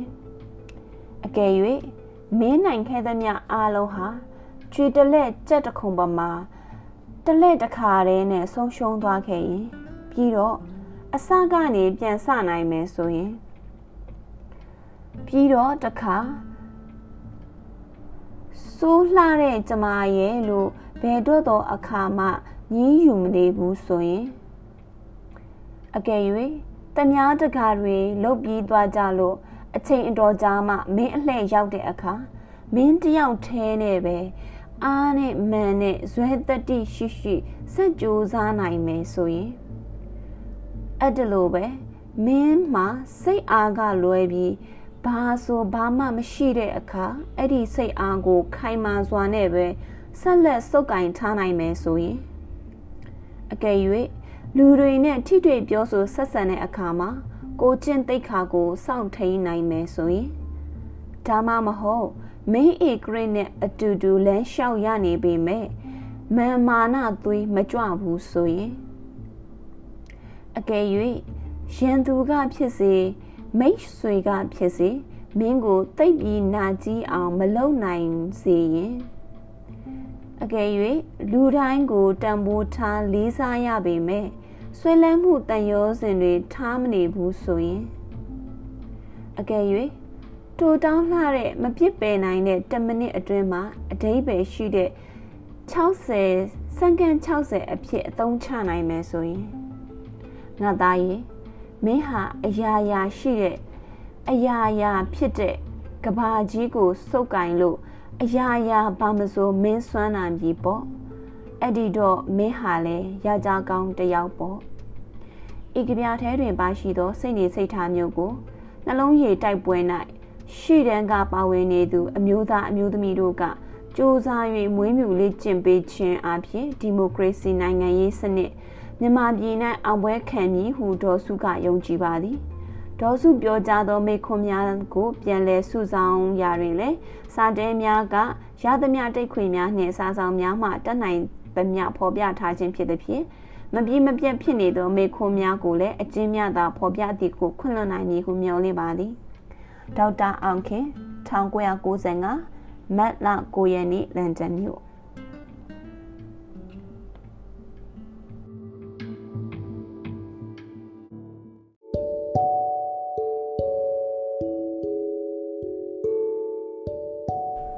မွန်ပြည်နယ်စီယုံရေးခီးစဉ်ဖြူစင်ချင်းကိုယူညွန်းသည့်ကျေဖြူ ဒီမိုကရေစီတိုက်ပွဲကိုစတင်စေခဲ့သောចောင်းသားများကိုကိုစားပြုသည့်ခွတ်တောင်ရဲရင်ချင်းအထိမ်းအမှတ်နောက်ခံအယောင်အနီရောင်တို့နှင့်ဖွဲ့စည်းထားသည့်အမျိုးသားဒီမိုကရေစီအဖွဲ့ချုပ်၏အလှန်တော်အောက်တွင်ဒီမိုကရေစီလိုလားသည့်ပြည်သူလူထုကြီးစူးစီးညီညွတ်ရေးအတွက်အမျိုးသားဒီမိုကရေစီအဖွဲ့ချုပ်အထွေထွေအတည်ရမှုဒေါ်အောင်ဆန်းစုကြည်နှင့် အဖွဲ့သည်1988ခုနှစ်ဒီဇင်ဘာလ14ရက်နေ့မှဒီဇင်ဘာ18ရက်နေ့အထိမွန်ပြည်နယ်သို့စီယုံရေးခရီးထွက်ခဲ့သည်မွန်ပြည်နယ်ပြည်နယ်စီယုံရေးတာဝန်ခံများဖြစ်ကြသည့်ဦးချမ်းအေးဦးလွန်းတင်ဦးအေးမင်းနှင့်ဦးရဲထွတ်တို့ကစီစဉ်ပေးသောခီးစဉ်ဖြစ်သည်အောင်ဆန်းစုကြည်နှင့်အတူဗဏ္ဍာရေးမှူးဦးလွင် ပြန်ကြားရေးနှင့်လုံခြုံရေးအဖွဲ့သားစုစုပေါင်း32ဦးလိုက်ပါသွားကြသည်ဝန်ပြည်နယ်စီယုံရေးခီးစဉ်အတွင်းအောင်ဆန်းစုကြည်နှင့်အဖွဲ့သည်ရက်ကွက်ကျေးရွာမြို့နယ်ပေါင်း30ကျော်ကိုတွားရောက်ပြီးရမီရဖများနှင့်တရင်တနီဆွေးနွေးဟောပြောပါသည်ဝန်ပြည်နယ်စီယုံရေးခီးစဉ်၏ပထမနေ့ဖြစ်သည့်ဒီဇင်ဘာ14ရက်နေ့တွင်ပဲခူးကြိုက်ထိုတထုံပေါင်မုတ်တမမျိုးတို့၌ဟောပြောဆွေးနွေးပွဲများကျင်းပပါသည် လန်တလျှောက်ရှိဝေါ်တိန်စရက်မုတ်ပလင်ကျွန်းတော်ကျူချောင်းအလူလေးဘီလင်တိန်စိတ်ကြိုက်ကောနောင်ကလာဒေးပလိန်ရင်းငိန်ကတွန်ဇင်းကြိုက်ပန်ကုံစသည့်ကျေးရွာများကိုဖျက်တမ်းသွားသည့်အခါတွင်လည်းလှိုက်လှိုက်လဲလဲဝမ်ပန်းတသာကြိုးဆိုကြသည့်မွန်မြန်မာတိုင်းရင်းသားများကိုယင်းဤချစ်ခင်စွာနှုတ်ဆက်ပါသည်တထုံမြို့မှန်ကန်သည့်ကိစ္စရက် လောက်ရန်အတွက်မကြောက်မဝွန့်ရရဲဝဝွန့်လောက်ကြရင်တထုံမြို့ပြည်သူများအားဒေါ်အောင်ဆန်းစုကြည်ကတိုက်တွန်းပါသည်ချိုက်ထုံမြို့မှာတဆင့်တထုံမြို့သို့ရောက်သောအခါတထုံမြို့အမျိုးသားဒီမိုကရေစီအဖွဲ့ချုပ်ရုံး၌တိုင်းသားစီလုံးညီညွတ်ရေးနှင့်ပတ်သက်ပြီးယခုကဲ့သို့ဆက်လက်ဟောပြောပါသည်အမျိုးသားဒီမိုကရေစီအဖွဲ့ချုပ်ကိုတည်ထောင်ခဲ့တာဟာပြည်သူလူထုလိုချင်တဲ့ဒီမိုကရေစီလှုပ်ရှားမှုအောင်မြင်ရေးအတွက်ထူထောင်ခဲ့တာပဲဖြစ်တယ်။ ပြည်သူလူထုနဲ့ကျမတို့တစည်းတယုံတည်းမလုံနိုင်လို့ရှိရင်ကျမတို့အဖွဲ့ချုပ်ကြီးကိုဖျက်ဖို့ပဲရှိတော့တယ်။အဲ့ဒီတော့အဖွဲ့ဝင်များဟာပြည်သူလူထုရဲ့သဘောထားကို နားလည်ရမယ်။ပြည်သူလူထုရဲ့သဘောအတိုင်းလုပ်ကြမယ်။လူအခွင့်အရေးဆိုတာလူတိုင်းလူတိုင်းပိုင်ဆိုင်ခွင့်ရှိရယ်။ကိုတင်မဟုတ်ဘူးကိုရန်သူများပင်လင်လူအခွင့်အရေးရှိရမယ်။အဲ့ဒီတော့တနေ့ ကျမတို့ရဲ့ဒီမိုကရေစီလှုပ်ရှားမှုကြီးအောင်မြင်သွားတဲ့အခါကျရင်ရှုံးတဲ့သူဟာသူတို့အခွင့်အရေးကိုပြည့်ပြည့်ဝဝခံစားနိုင်ရမယ်။ဒါဟာကျမတို့ဒီမိုကရေစီတာဝန်ဖြစ်တယ်။မက်လုံးပေးပြီးတော့စီယုံမှုမျိုးကိုကျမမလိုချင်ဘူး။ကျမတို့အစိုးရတက်ရင်ဒါတွေလုပ်ပေးမယ်ဆိုတဲ့စီယုံမှုမျိုးကိုတော့မလုပ်ကြပါနဲ့။ကျမတို့အဖွဲ့ချုပ် ရဲ့စီယုံရေးဆိုတာကလည်းနိုင်ငံတော်ညီဝပြပြမှုတိဆောက်ရေးအဖွဲ့ကနေမြစ်တာရက်ခံထားတဲ့အတိုင်းပဲအထွေထွေရေးကောက်ပွဲတွေဖြစ်လာဖို့ကျမတို့ကကူညီနေတာဖြစ်တယ်ဒီလိုကူညီနေတာကိုမြို့နယ်တို့ရက်ကွက်တို့ကငြိမ်ငြိမ်ပိတွေကအနှောက်ယှက်နေလို့ရှိရင်သူတို့ကိုနိုင်ငံတော်ငြိမ်ဝပြပြရေးအဖွဲ့ကိုပြန်ပြီးတော့တိုင်ရလိမ့်မယ်နဲ့တူပါတယ်ဒီတော့ ဒီလိုနှောက်ယှက်တာတွေမခံပါနဲ့ဒီလိုနှောက်ယှက်လို့ရှိရင်ကျမတို့ဘ ਹੁ ကိုအတိပေးပါကျမတို့ကလည်းဘ ਹੁ ငိမ်ပြီကိုပြန်ပြီးတော့အတိပေးရပါလိမ့်မယ်ကိုလုံးဆရာရှိတော်ကိုတော့မှန်လို့ကန်လို့လောက်တာတော့ဆက်တာလို့ပါတကယ်ဆိုလို့ရှိရင်ဘာကြောက်เสียရှိလဲလောကကြီးမှာကြောက်နေလို့ရှိရင်လူဖြစ်ရကြုံမနှက်ပါဘူးတေးမှကြောက်လို့လဲတနေ့အားလုံးသိရမှာပဲတေးမှကြောက်လို့မသေးဘူးဆိုတာမျိုးမရှိပါဘူး ဒါတွေကြောက်ပြီးတော့ကျမတို့မလုတ်ပဲနေရင်အသက်ရှင်ရကြိုးမနှက်ပါဘူးဒီတော့အသက်ရှင်ရကြိုးမနှက်မဲ့အစားတေးရတာကကောင်းတယ်ဆိုတဲ့စိတ်ထားပြီးတော့အသက်ရှင်ရကြိုးနှက်မဲ့ဒီမိုကရေစီစနစ်ဖြစ်အားအားလုံးဝိုင်းပြီးတော့ကူညီကြပါလို့ကျွန်မမြတ်တာရက်ခံချင်ပါတယ်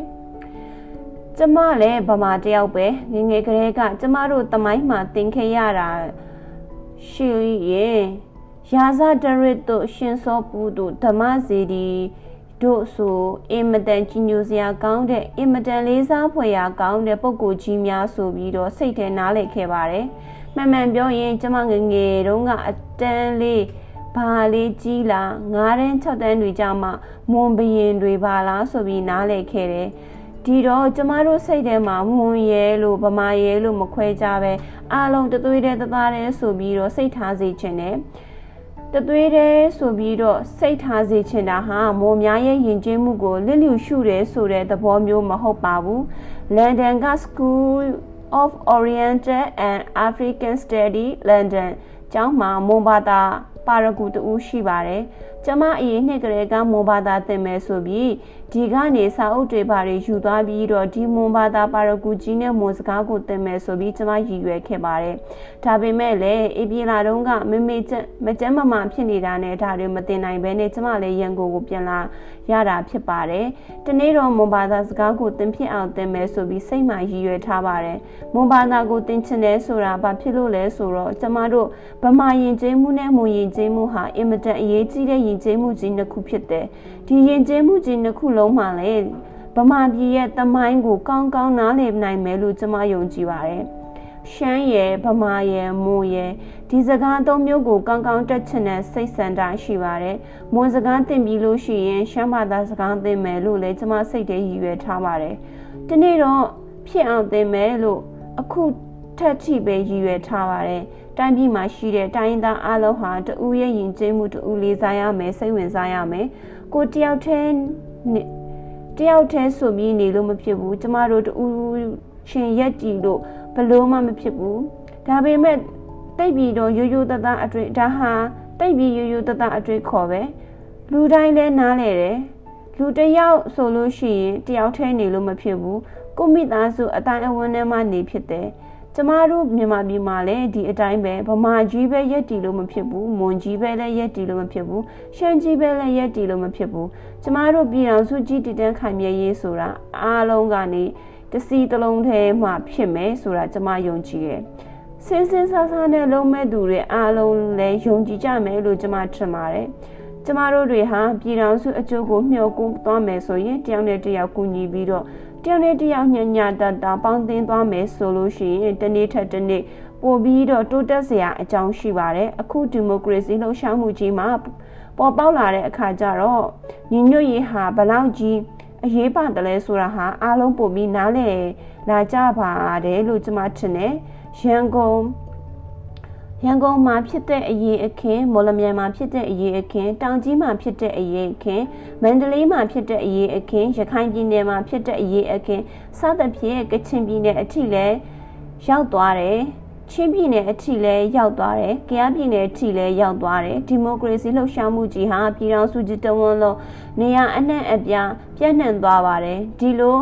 အနှံ့အပြားပြန့်သွားတာဟာဘာဖြစ်လို့လဲ။ ဘာဖြစ်လို့လဲဆိုရင်ဒီပြည်ထောင်စုကြီးထဲမှာရှိတဲ့လူတွေအားလုံးဟာလူအခွင့်အရေးများကိုလိုချင်တယ်လူရန်ဖြစ်လာမှလူအခွင့်အရေးများကိုပြည့်ပြည့်စုံစုံခံစားချင်တယ်ဒါကိုကြည့်ချင်းအားဖြင့်ကျမတို့ဟာဗမာပဲဖြစ်ဖြစ်မွန်ပဲဖြစ်ဖြစ်ရှမ်းပဲဖြစ်ဖြစ်ကရင်ပဲဖြစ်ဖြစ်အားလုံးဟာလူအခွင့်အရေးကိုပြည့်ပြည့်ဝဝခံစားချင်ကြတဲ့လူသားတွေဒါဖြစ်တယ် ဒီမိုကရေစီရပြည်သွားလို့ပြည်ထောင်စုကြီးဆက်လက်တည်တဲ့ခိုင်မြဲသွားဖို့ဟာတိုင်းသားစီလုံးညီညွတ်ရေးအပေါ်မှာမူတည်တယ်ဆိုတာလူတိုင်းသိပါတယ်။တိုင်းသားစီလုံးညီညွတ်မှုရှိမှပြည်ထောင်စုကြီးတည်တဲ့ခိုင်မြဲမယ်ဆိုတာလက်မခံလို့ရှိရင်ပြည်ထောင်စုကြီးအတွက်ဘာမှမျှော်လင့်စရာအကြောင်းမရှိပါဘူး။ဒါကြောင့်မို့လို့မွန်ဗမာကရင်ကချင်ချင်းရှမ်း စသဖြင့်စိတ်ထဲမှာခွဲခြားပြီးတော့မတွေးပဲနဲ့ငါတို့အားလုံးဟာပြည်တော်စုတိုင်းရင်းသားများဖြစ်ကြတယ်ဆိုပြီးစိတ်ထဲမှာထားပြီးတော့အတူတူလှုပ်သွားစေချင်တယ်ဒီမိုကရေစီနိုင်ငံဖြစ်လာလို့ရှိရင်ကျမစိတ်ထဲမှာရှိတဲ့ရည်ရွယ်ချက်ပေါ့လေကျမတို့အဖွဲ့ချုပ်ရဲ့မူဝါဒသဘောထားမှလည်းပါပါတယ်အဲ့ဒီလိုဒီမိုကရေစီနိုင်ငံတစ်ခုဖြစ်သွားတယ်ဆိုလို့ရှိရင်ဒီတိုင်းရင်းသားလူမျိုးအားလုံးရဲ့အခွင့်အရေးတွေကိုပြည့်ပြည့်စုံစုံပေးခြင်းနဲ့တိုင်းရင်းသားလူမျိုးများရဲ့ဘာသာရေး ရှင်ကျင်းမှုစသည်ဖြင့်ကျမတို့အားပေးခြင်းနဲ့ဘာလို့လဲဆိုတော့အများအများအတွေ့အခေါ်အများယဉ်ကျေးမှုတွေနဲ့တိဆောက်ထားတဲ့နိုင်ငံကြီးဟာဘသူတွေရဲ့အတွေ့အခေါ်ဘသူတွေရဲ့ယဉ်ကျေးမှုနဲ့တိဆောက်ခဲ့တဲ့နိုင်ငံကြီးထက်အများကြီးခိုင်ခန့်လာပေမဲ့အများကြီးတိုးတက်လာနိုင်တယ်အများကြီးလည်းကျမတို့အတွက်အဖိုးတန်နိုင်မယ်လို့ယုံကြည်ပါတယ်ပေါင်မြို့အောင်ခိုင် တရက်တော်ဒေးပလိတ်ရင်းငိန်ရွာရန်ရှိကျူပကတွန်ဇင်းကြိုက်ပန်းကုန်းဖလိတ်အုတ်တန်တာဆွဲတော်စသည့်ကြေးရွာများမှာလိုက်လဲစွာကြိုးဆိုကြသည့်တိုင်းရင်းသားပြည်သူများကိုလည်းဒေါ်အောင်ဆန်းစုကြည်နှင့်အဖွဲ့ကနှုတ်ဆက်ပါတယ်။မွန်လွဲချိန်တွင်ပေါင်မြို့ပေါင်ရက်ွက်ရှိအမျိုးသားဒီမိုကရေစီအဖွဲ့ချုပ်ရုံးသို့ရောက်ရှိပါတယ်။ထိုနေ့ပေါင်မြို့အမျိုး အဖွဲ့ချုပ်ရုံးတွင်နိုင်ငံရေး၌ပြည်သူလူထု၏အခမ်းကဏ္ဍနှင့်ပတ်သက်ပြီးတော့အောင်ဆန်းစုကြည်ကဤကဲ့သို့ပြောကြားခဲ့ပါတယ်။ကျမအနေနဲ့သတိပေးချင်တာကတော့နိုင်ငံရေးလှုပ်ရမှာနိုင်ငံရေးလှုပ်ရှားတယ်ဆိုတာမကောင်းပါဘူး။နိုင်ငံရေးပါတီထဲမှာနိုင်ငံရေးလှုပ်ရှားချင်တဲ့သူတွေပါလာပါတယ်။အရင်တော့ကနိုင်ငံရေးသမားဟောင်းကြီးတွေလည်းပါပါတယ်။ဒီတော့ဒီနိုင်ငံရေးသမားဟောင်းကြီးတွေဟာလူမျိုးရေးအတွက်ဘလောက်ပဲ တကယ်ပဲလုပ်နေတာလားနိုင်ငံရေးလှုပ်ရှားနေတာလားဆိုတာပြည်သူလူထုကဝေဖန်ရမှာပါပြည်သူလူထုကသုံးသပ်ရမှာပါကျမတို့ပါတီအချင်းချင်းလက်ညှိုးထိုးတာတော့မကောင်းပါဘူးပြည်သူလူထုမှတာဝန်အများကြီးရှိပါတယ်ပါတီတွေကိုတည်တည်ချာချာကြည့်ပါပါတီခေါင်းဆောင်တွေကိုတည်တည်ချာချာလေ့လာပါအရင်တုန်းကနာမည်ရှိခဲ့တဲ့ရှိခဲ့တာတွေရှိရပဲအခုဘာလုပ်နိုင်လဲအခုလုပ်နေတဲ့အထက်မှာဘလောက်ထိရောက်ထိထိရရောက်ရှိနိုင်လဲ အရင်လုံတုံးကရောလုပ်ဖို့ကင်ပုံကဘလို့ပြပြပြင်ခဲ့တယ်လဲဘလို့မှန်ကန်ခဲ့တယ်လဲဆိုတာတွေကိုစဉ်းစားစေချင်ပါတယ်တချို့ကအခုဒီမှာတစ်မျိုးပြောဟိုမှာတစ်မျိုးပြောဒီမှာဒီဟာလုပ်မယ်ပြောအခုပဲဒီမှာဟိုဟာလုပ်မယ်ပြောစိတ်တွေကပြောင်းလိုက် အပြောတွေကပြောင်းလိုက်ဒါတွေကိုသူတို့ကဒါကတော့နိုင်ငံရေးပဲလို့ပြောကြတယ်ကျမကတော့ ဒါနိုင်ငံရေးပဲလို့နားမလဲဘူးဒါကလင်ကကြစ်လောက်တာလို့ပဲနားလဲတယ်ဒီလိုနိုင်ငံရေးသမားတွေကိုကျမတို့လက်ခံလို့မဖြစ်ဘူးနိုင်ငံရေးလုပ်တယ်ဆိုတာအမျိုးသားရေးလုပ်တာအမျိုးသားရေးလုပ်တယ်ဆိုတာပြည်တော်စုကြီးကောင်းဖို့အတွက်လုပ်တာတခုခုကောင်းဖို့အတွက်ဆိုတာမှန်ကန်တဲ့လမ်းနဲ့လုံးမှအကောင်းရှာနိုင်မှာပေါ့အမှားတဲ့လမ်းနဲ့ဘယ်လိုကောင်းအကောင်းရှာနိုင်မှာလဲအဲ့ဒီတော့ဒီလိုကလိန်ကကြစ်ကြီးလို့ပြင်မှာပြည်သူလူထု အကျိုးလုံးနိုင်ပါတယ်ဆိုတဲ့လူတွေကတော့မှန်မှန်ကန်ကန်လုံးနိုင်တဲ့အရေးအခြေမရှိလို့ပဲဒီလိုလူတွေကိုလက်မခံပါနဲ့နိုင်ငံရေးပြည်ရဲ့နိုင်ငံရေးပြည်ရဲ့ဆိုပြီးပြောကြတဲ့ဟာလေးတွေရှိရဲ့နိုင်ငံရေးပြည်ရဲ့ဆိုတာတကယ်တော့တေးသေးချာချာပြန်ကြည့်လိုက်ရင်ကလိန်ကကြက်လောက်တာကြီးပဲဒီနိုင်ငံရေးပြည်ရဲ့ဆိုတာလည်းအထင်မကြီးပါနဲ့ပြည်ရဲ့ဆိုတဲ့စကားကိုကျမမကြိုက်ဘူးမှန်မှန်ကန်ကန်လုံနိုင်ရမယ်မှန်ကန်တာကိုလုပ်တယ်ဆိုရင်ဘာကိုမဆိုရင်ဆိုင်ရဲမယ် ဘလို့ပြဿနာကိုမဆိုရင်ဆိုင်ရဲရမယ်ကိုကိုထိပါလာရင်လည်းခံနိုင်ရရှိရမယ်မှန်မှန်ကန်ကန်ပဲလုပ်ပါနိုင်ငံရေးဆိုတာတကယ်တော့အများအကျိုးအတွက်လုပ်တဲ့ကိစ္စပဲအများအကျိုးအတွက်လုပ်တဲ့ကိစ္စဆိုတာလူတိုင်းကနားလည်နိုင်ရမယ်လူတိုင်းဟာမိုးပေါ်ကကြလာတာမဟုတ်ပါဘူးမိသားစုတွေကပေါက်ဖွာလာတာပါလူတွေကမွေးကလေးကဗီဇလေးတွေပါလာတယ်တချို့ကလေးတွေဆိုရင်သူ့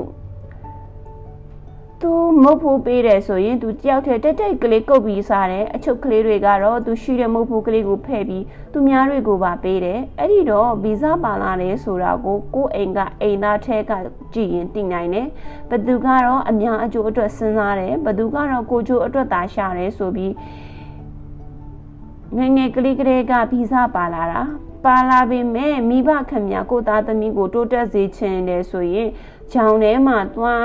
ရှိတဲ့မုတ်ကိုတယောက်တည်းစားတတ်တဲ့ကလေးကိုမင်းဒီလိုပဲလှုပ်လို့ရှိရင်တခြားသူတွေတခြားလူမုံရရင်လည်းမင်းကိုပေးမှာမဟုတ်ဘူးတားတယောက်တည်းအဲတားမုတ်ကိုတယောက်တည်းကုတ်ပြီးစားတားအကိုတွေတားညီတွေမုံရရင်လည်းတားကိုဝေပြီးစားမှာမဟုတ်ဘူးဆိုပြီးတော့ငငယ်ကလေးကနေကလေးကအများအကျိုးဆောင်ရွက်တဲ့အောင်သင်ပေးရမှာပေါ့လူကြီးဖြစ်လာတော့နိုင်ငံရေးနယ်ပယ်ထဲရောက်တော့လေဒီလိုပါပဲ အချို့ကကိုကျိုးကိုကုတ်ပြီးရှာခြင်းနဲ့ဒါဟာအများအကျိုးဆောင်မှကို့အကျိုးအောင်နေဆိုတာနားမလဲလို့လုပ်တာပဲဒါကွန်အားလုံးနားလည်အောင်ကျမတို့ကပြောပြရမယ်အခုဆိုရင်ကျမတို့နဲ့တပါတီစနစ်လိုချင်သူတွေနဲ့ဘယ်လိုကွာခြားတယ်လဲတကယ်အရေးကြီးဆုံးကွာခြားချက်ကတော့ဒီလိုပါဒီမိုကရေစီစနစ်ကြီးအောင်မြင်တယ်ဆိုရင်တပါတီစနစ်ကိုထောက်ခံခဲ့တဲ့သူများပင်လင်လူအခွင့်အရေးများကိုပြည့်ပြည့်စုံစုံခံစားစေရမယ် တပါတီစနစ်အောင်မြင်သွားရင်တော့ကျမတို့ဒီမိုကရေစီဖက်ကလူတွေကောင်းကောင်းနာမှာပဲဒါကတော့လူတိုင်းသိပြီးသားပါပဲဒါဟာဒီဟာကတော့ကွာခြားချက်ကြီးပါပဲဒါကိုအများနာလဲအောင်ရှင်းပြရမယ်ဒီမိုကရေစီစနစ်အောင်မြင်တယ်ဆိုတာတပါတီစနစ်ကိုထောက်ခံတဲ့သူတွေကိုကောင်းကောင်းကြီးဖိနှိပ်မှာမဟုတ်ပါဘူးနှိမ်နှင်းမှာမဟုတ်ပါဘူးနှိမ့်ဆက်မှာလည်းမဟုတ်ပါဘူးလူတိုင်းလူတိုင်းလူအခွင့်အရေးရအောင်လုပ်ပေးမှာပါနောက် အနောက်တိုင်းပြည်ကောင်းကျိုးအတွက်ဆိုရင်အခုကစပြီးကျမတို့လက်ခံမဲ့ခေါင်းဆောင်များဟာစကားတီးရမယ်စကားမှန်ရမယ်အများသဘောလိုက်နာရမယ်ဒီလိုခေါင်းဆောင်မျိုးကိုသာကျမလိုချင်ပါတယ်ရက်ွက်ငြိမ်ပြီးရဝတများ၏နှောက်ယှက်မှုနှင့်ပတ်သက်ပြီးမွန်ပြည်နယ်ရှိအမျိုးသားဒီမိုကရေစီအဖွဲ့ချုပ်ရုံးတရုံနိုင်14ရက် 12လ88ခုနှစ်တွင်ဒေါ်အောင်ဆန်းစုကြည်ဆွေးနွေးချက်များမှဖော်ပြထားပါတယ်။ကျမဘာဆိုရင်တလဲဆိုတော့တချို့ကငိမ့်ပြီးတွေဘာတွေက6တော့လောက်ရမှာကြောက်နေတယ်ဒီလိုတိတ်ကြောက်နေလို့မဖြစ်ဘူးကျမတို့ဥပဒေဘောင်တွင်းကလောက်တာပဲကိုကရှိထားတဲ့အခွင့်အရေးကိုသုံးရမယ်ရက်ွက်တို့မြို့နယ်တို့ငိမ့်ပြီးတို့ကမလုံရဘူးပြောလို့ရှင် တကယ်ဆိုသူတို့ကနိုင်ငံတော်ငိမ့်ပြီးရဲ့အမိတ်ကိုဖိစံနေတာနဲ့အတူတူပဲရက်ကွက်အဖွဲ့ချုပ်ရုံးကပေါင်မျိုးနယ်အဖွဲ့ချုပ်ရုံးကိုအတိပေးဒီလိုရက်ကွက်အဖွဲ့ချုပ်ရုံးကအတိပေးတာကိုမြို့နယ်အဖွဲ့ချုပ်ရုံးကဗဟိုကိုအတိပေးလိုက်လို့ရှိရင်ဗဟိုငိမ်ပြီးကိုကျမတို့ကန့်ကွက်နိုင်ပါမယ်အထူးသဖြင့်ကိုမှရှိပြီးသားအခွင့်အရေးကိုလက်မလွတ်ပါနဲ့ နောက်ထပ်ပြီးတော့ကိုရသင့်ရထိုက်တဲ့ဒီမိုကရေစီအခွင့်အရေးလူအခွင့်အရေးတွေရအောင်လို့ကျမတို့ဆက်ပြီးစူးစမ်းကြရမယ်။မွန်လွယ်ပိုင်းတွင်ကြိုက်ပေါင်းဆန်တော်ရှင်ဖရာကြီးတို့ရောက်ရှိခဲ့ပြီးဒေါ်အောင်ဆန်းစုကြည်နှင့်အဖွဲ့အားဆောင်းဆိုင်ကြိုးစွန်နေကြသည့်ပြည်သူလူထုအားကျေးဇူးတင်ကြောင်းပြည်သူလူထု အားကို၍တိုက်ပွဲဝင်နေရသောကြောင့်နောင်တွင်လည်းယခုကဲ့သို့ဆက်လက်အားကိုလိုကြောင်းတော်အောင်ဆန်းစုကြည်ကပြောကြားပါသည်ထိုမှတဆင်မုတ်တမတို့ညနေ၄နာရီခန့်တွင်ရောက်ရှိပါသည်ဒေါ်အောင်ဆန်းစုကြည်နှင့်ဖွဲ့သည့်မွန်ပြည်နယ်စီယုံရခီးစဉ်ဒုတိယမြောက်ဖြစ်သည့်ဒီဇင်ဘာလ15ရက်နေ့တွင်မော်လမြိုင်တောင်လေးလုံးကျောင်းတိုင်းအာယုံဆုံးကက်လှူခဲ့ပြီးနောက်ကြိုက်မျိုးမျိုးသို့ထွက်ခွာလာသည်လမ်းတရှောင်းရှိကျေးရွာများမှပြည်သူလူထုကလှိုက်လဲစွာကြိုးဆိုတောက်ခံကြသည် ကျောင်းကြိုက်မျိုးမျိုးမှအပြင်မော်လမြိုင်မြို့မန္တလေးရက်နှင့်ရွှေတောင်ရက်များရှိအမျိုးသားဒီမိုကရေစီအဖွဲ့ချုပ်ဆိုင်ဘုတ်ဖွင့်ပွဲများကိုအောင်ဆန်းစုကြည်ကိုယ်တိုင်တက်ရောက်ဖွင့်လှစ်ပေးခဲ့ပါသည်ထို့နောက်စစ်ကဲကုံရက်နှင့်ဗဘဲတန်အမျိုးသားဒီမိုကရေစီအဖွဲ့ချုပ်ရုံးမွန်အမျိုးသားဒီမိုကရေစီအဖွဲ့ချုပ်ရုံးလူပောင်တဲ့ဒီမိုကရက်တစ် ပါတီရုံးအမျိုးသားရင်းချမ်းရေးနှင့်ဒီမိုကရေစီပါတီရုံးဒီမိုကရက်တစ်တက္ကသိုလ်နှင့်ဘွဲရကျောင်းသားဟောင်းများအဖွဲ့ရုံးဗမာတနိုင်ငံလုံးဆိုင်ရာမဟာမိတ်လူငယ်များအစည်းအရုံးနှင့်ပြည်သူ့ဒီမိုကရေစီပါတီရုံးများသို့တွားရောက်နှုတ်ဆက်ဆွေးနွေးပါသည်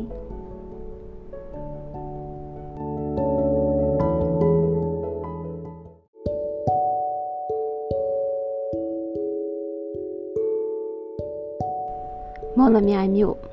အဖွဲ့ချုပ်ရေးရနဲ့ပတ်သက်ပြီးစစ်ကဲကုံရက်အမျိုးသားဒီမိုကရေစီအဖွဲ့ချုပ်အဖွဲ့ဝင်များနဲ့ဆွေးနွေးချက်များမှဖော်ပြသည်ဤကိစ္စနဲ့ပတ်သက်လို့လုံးလုံးစိတ်တမကြပါနဲ့။နောင်လဲဥက္ကဋ္ဌမျိုးကျမတို့အဖွဲ့ချုပ်မှာမရှိရအောင်မပေါ်ရအောင်အားလုံးကူညီကြပါ။ဒီလိုအားလုံးကူညီကြပါလို့ကျမဘာလို့ပြောသလဲဆိုတော့ကျမတို့အဖွဲ့ချုပ်ဟာဒီမိုကရေစီနင်းကြကြဖွဲ့ထားတဲ့အဖွဲ့ချုပ်ပါ။ အခုဆိုနေရာတော်တော်များများမှာရက်ကွက်ညီလာခံတွေစတော့မယ်။ရက်ကွက်ညီလာခံမှာဆိုလို့ရှိရင်ကိုယ်စားလှယ်တွေရွေးထုတ်ရမယ်။အဲ့ဒီရက်ကွက်ကိုယ်စားလှယ်တွေရွေးထုတ်တဲ့အဆင့်ကစပြီးဒီမိုကရေစီလှုပ်ထုံလုံးနည်းကို လေးစားမဲ့သူများကိုသာရွေးချယ်ပါပပယ်တန်းရဲ့အမျိုးသားဒီမိုကရေစီအဖွဲ့ချုပ်၌ဆွေးနွေးချက်များကိုကောက်နှုတ်သည် နိုင်ငံရေးပါတီတွေကိုပဲအာမကိုပါနဲ့အကိုကိုကိုအားကိုပါနိုင်ငံရေးပါတီတွေကိုအားကိုလို့ရှိရင်စစ်မှန်တဲ့ဒီမိုကရေစီမဖြစ်နိုင်ပါဘူးကျမတို့တူးချင်းရက်တီလို့ဘလို့မှမဖြစ်ပါဘူးဗမာကြီးပဲလဲရက်တီလို့မဖြစ်ဘူးမွန်ကြီးပဲလဲရက်တီလို့မဖြစ်ဘူးရှမ်းကြီးပဲလဲရက်တီလို့မဖြစ်ဘူးကျမတို့ပြည်တော်စုကြီးတည်တံ့ခိုင်မြဲရေးဆိုတာအားလုံးကနေတစည်းတယုံတဲ့နေမှ ဖြစ်မယ်ဆိုတာကျမယုံကြည်ရဲ့ တိုင်းပြည်ကိုအုပ်ချုပ်တဲ့ခေါင်းဆောင်ဟာပြည်သူလူထုထောက်ခံမှုအင်အားနဲ့ပဲအုပ်ချုပ်တာဖြစ်ရမယ်။လက်နက်အင်အားနဲ့အုပ်ချုပ်တာမဖြစ်ရဘူး။တိုင်းပြည်မှာလွတ်လပ်မှုကိုပိုပြီးတော့ရချင်ရင်လူအခွင့်အရေးများပြည့်ပြည့်စုံစုံခံစားလို့ရှိရင်လူတိုင်းလူတိုင်းဟာနိုင်ငံရေးကိုဝါသနာပါရမယ်။နိုင်ငံရေးကိုလှုပ်ရဲရမယ်။လှုပ်ချင်ရမယ်။ လူအခွင့်အရေးဆိုတာလူတိုင်းလူတိုင်းပိုင်ဆိုင်ခွင့်ရှိရယ်ကိုတင်မဟုတ်ဘူးကိုရန်သူများပင်လင်လူအခွင့်အရေးရှိရမယ်အဲ့ဒီတော့တနေ့ကျမတို့ရဲ့ဒီမိုကရေစီလှုပ်ရှားမှုကြီးအောင်မြင်သွားခဲ့တဲ့အခါကျရင်ဆုံးရှုံးတဲ့သူတွေဟာသူတို့အခွင့်အရေးကိုပြည့်ပြည့်ဝဝခံစားနိုင်ရမယ်ဒါဟာကျမတို့ဒီမိုကရေစီတာဝန်ဖြစ်တယ်တကူကောင်းမကြံကြပါနဲ့အများအတွက်လုပ်ကြပါ အများအကျိုးဆောင်တဲ့သူများဟာလူသားတည်သွားမယ်ဘယ်တော့မှနာမည်မသိဘူးနိုင်ငံရေးအရာမတိုးတက်တဲ့တိုင်းပြည်ဟာစီးပွားရေးအရာလည်းမတိုးတက်နိုင်ပါဘူးနိုင်ငံရေးရောစီးပွားရေးရောမတိုးတက်တဲ့တိုင်းပြည်ဟာအင်မတန်ဆင်းရဲနွမ်းပါပြီးဒုက္ခများတဲ့တိုင်းပြည်ဖြစ်သွားမှာပဲကျမတို့တိုင်းပြည်မှာလည်းဒီတိုင်းပဲဖြစ်ခဲ့ပါပြီအဲ့ဒီတော့နိုင်ငံရေးကအစတည်ပြီးစီးပွားရေးအရာပြန်လည်တည်ဆောင်ရမှာဖြစ်ပါတယ် ကျမတို့အနေနဲ့အားလုံးလိုချင်တဲ့ဒီမိုကရေစီလှုပ်ရှားမှုအောင်မြင်ရေးအတွက်တစ္ဆာရှိရှိနဲ့ထမ်းဆောင်သွားမယ်ဆိုတာကိုလည်းကတိပြုချင်ပါတယ်။ကျမအနေနဲ့ဒီမိုကရေစီမရမချင်းအသက်ထက်ဆုံးကြိုးပမ်းဆောင်ရွက်သွားမယ်လို့ပြည်သူလူထုကိုကတိပြုပါတယ်။စစ်မှန်တဲ့ဒီမိုကရေစီမှာနိုင်ငံရေးပါတီများဟာပြည်သူလူထုကိုအားကိုးရတာ ပြည်သူလူထုရဲ့ထောက်ခံမှုကိုရှာရတာပါအဲ့ဒီတော့ပြည်သူလူထုတွေကနိုင်ငံရေးအသည့်အမြင်ရှိလာအောင်ကိုကိုကိုပြုပြင်ကြပါနိုင်ငံရေးအသည့်အမြင်များနဲ့ကိုတိုင်းပြည်အတွက်ကောင်းရာကောင်းကျိုးပြုလုပ်နိုင်မဲ့အဖွဲ့ဝင်များအဖွဲ့များခေါင်းဆောင်များကိုရွေးထုတ်ကြပါဒါဟာတာဝန်အများကြီးရှိပါတယ်ဒီတာဝန်ကိုကိုကနေကြွကြွပြပြထမ်းဆောင်နိုင်မှနောင်ဒီမိုကရေစီဟာတည်မြဲနိုင်မှာပါ အမျိုးသားဒီမိုကရေစီအဖွဲ့ချုပ်အဖွဲ့ဝင်စုဆောင်ရေးဌာနစက်ကုံရက်နှင့်6မိုင်ကျေးရွာများတွင်ဒီမိုကရေစီ၏အနှစ်သာရများကိုနားလည်ရန်နှင့်တတိရှိကြရန်အတွက်လူထုအားယခုကဲ့သို့ပြောကြားခဲ့ပါသည်အခွင့်အရေးတွေကိုတတိရှိရှိကာကွယ်ပါကိုယ့်ရဲ့တာဝန်ကိုလည်းဇွဲနဲ့ထမ်းဆောင်ကြပါလို့ကျမပြောချင်ပါတယ်ကျမတို့အဖွဲ့ချုပ်ဝင်တွေကို ကျမတို့အမြဲပြောပါတယ် လူထုဟာဒီမိုကရေစီရဲ့အနှစ်သာရကို နားလည်ရမယ်လိုလားရမယ်သဘောထားတွေကိုထောက်ခံရမယ်ဒီလိုအခြေအနေဖြစ်လာမှကျမတို့ရဲ့တိုင်းပြည်မှာဒီမိုကရေစီတည်တံ့ခိုင်မြဲနိုင်မယ်အရင်တုန်းကလည်းကျမတို့မှာဒီမိုကရေစီရှိခဲ့တယ်။ဘာဖြစ်လို့ဒီမိုကရေစီဟာမတည်မြဲခဲ့တယ်လဲ။ကျမပြန်ပြီးတော့စဉ်းစားကြည့်တယ်။အရင်တုန်းကနိုင်ငံရေးသမားများဟာဒီမိုကရေစီအတွက်အလုံးမလုံးပဲ ကိုအတွက်ကိုလုပ်ခဲ့ကြတယ်ကိုပါတီအတွက်ကိုလုပ်ခဲ့ကြတယ်ဒီမိုကရေစီရဲ့သဘောတရားတွေကို ပြည်သူလူထု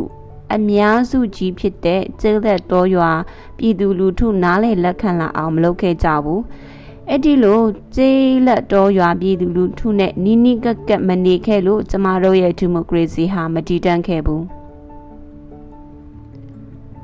အောင်ဆန်းစုကြည်နဲ့အဖွဲ့သည် မွန်လွဲတနာရီ၌မွန်အမျိုးသားဒီမိုကရေစီအဖွဲ့ချုပ်ယုံသို့ရောက်ရှိပြီးမွန်အမျိုးသားများနှင့်ဒီမိုကရေစီရေးရာများကိုဆွေးနွေးခဲ့သည်မွန်လွဲ2နာရီတွင် လူပေါင်းဒီမိုကရက်တစ်ပါတီယုံသို့ရောက်ရှိသွားသည်မော်လမြိုင်မြို့လူပေါင်းသည့်ဒီမိုကရက်တစ်ပါတီယုံ၌လူငယ်များနှင့်လွန်စွာ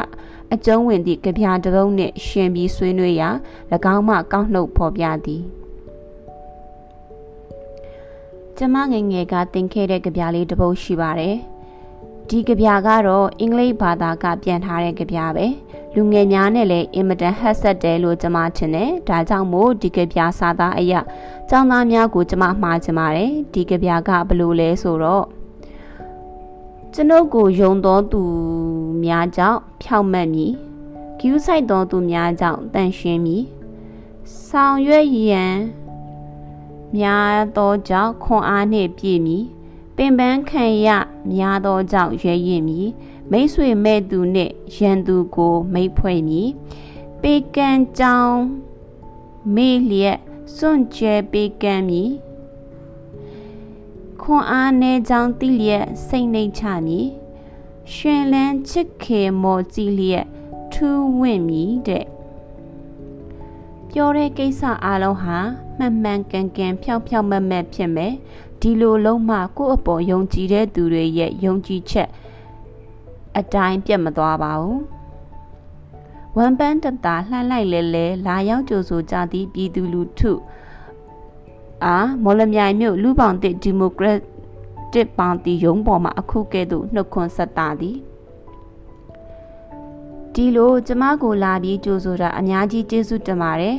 ကျမတို့လူထုနဲ့တွေ့ဆုံရတယ်ဆိုရင်အမြဲဝမ်းသာတယ်ဒါကြောင့်မို့လူထုနဲ့မတွေ့ဆုံချင်တဲ့အစိုးရများကို ကျမတို့နားမလည်နိုင်ပါဘူး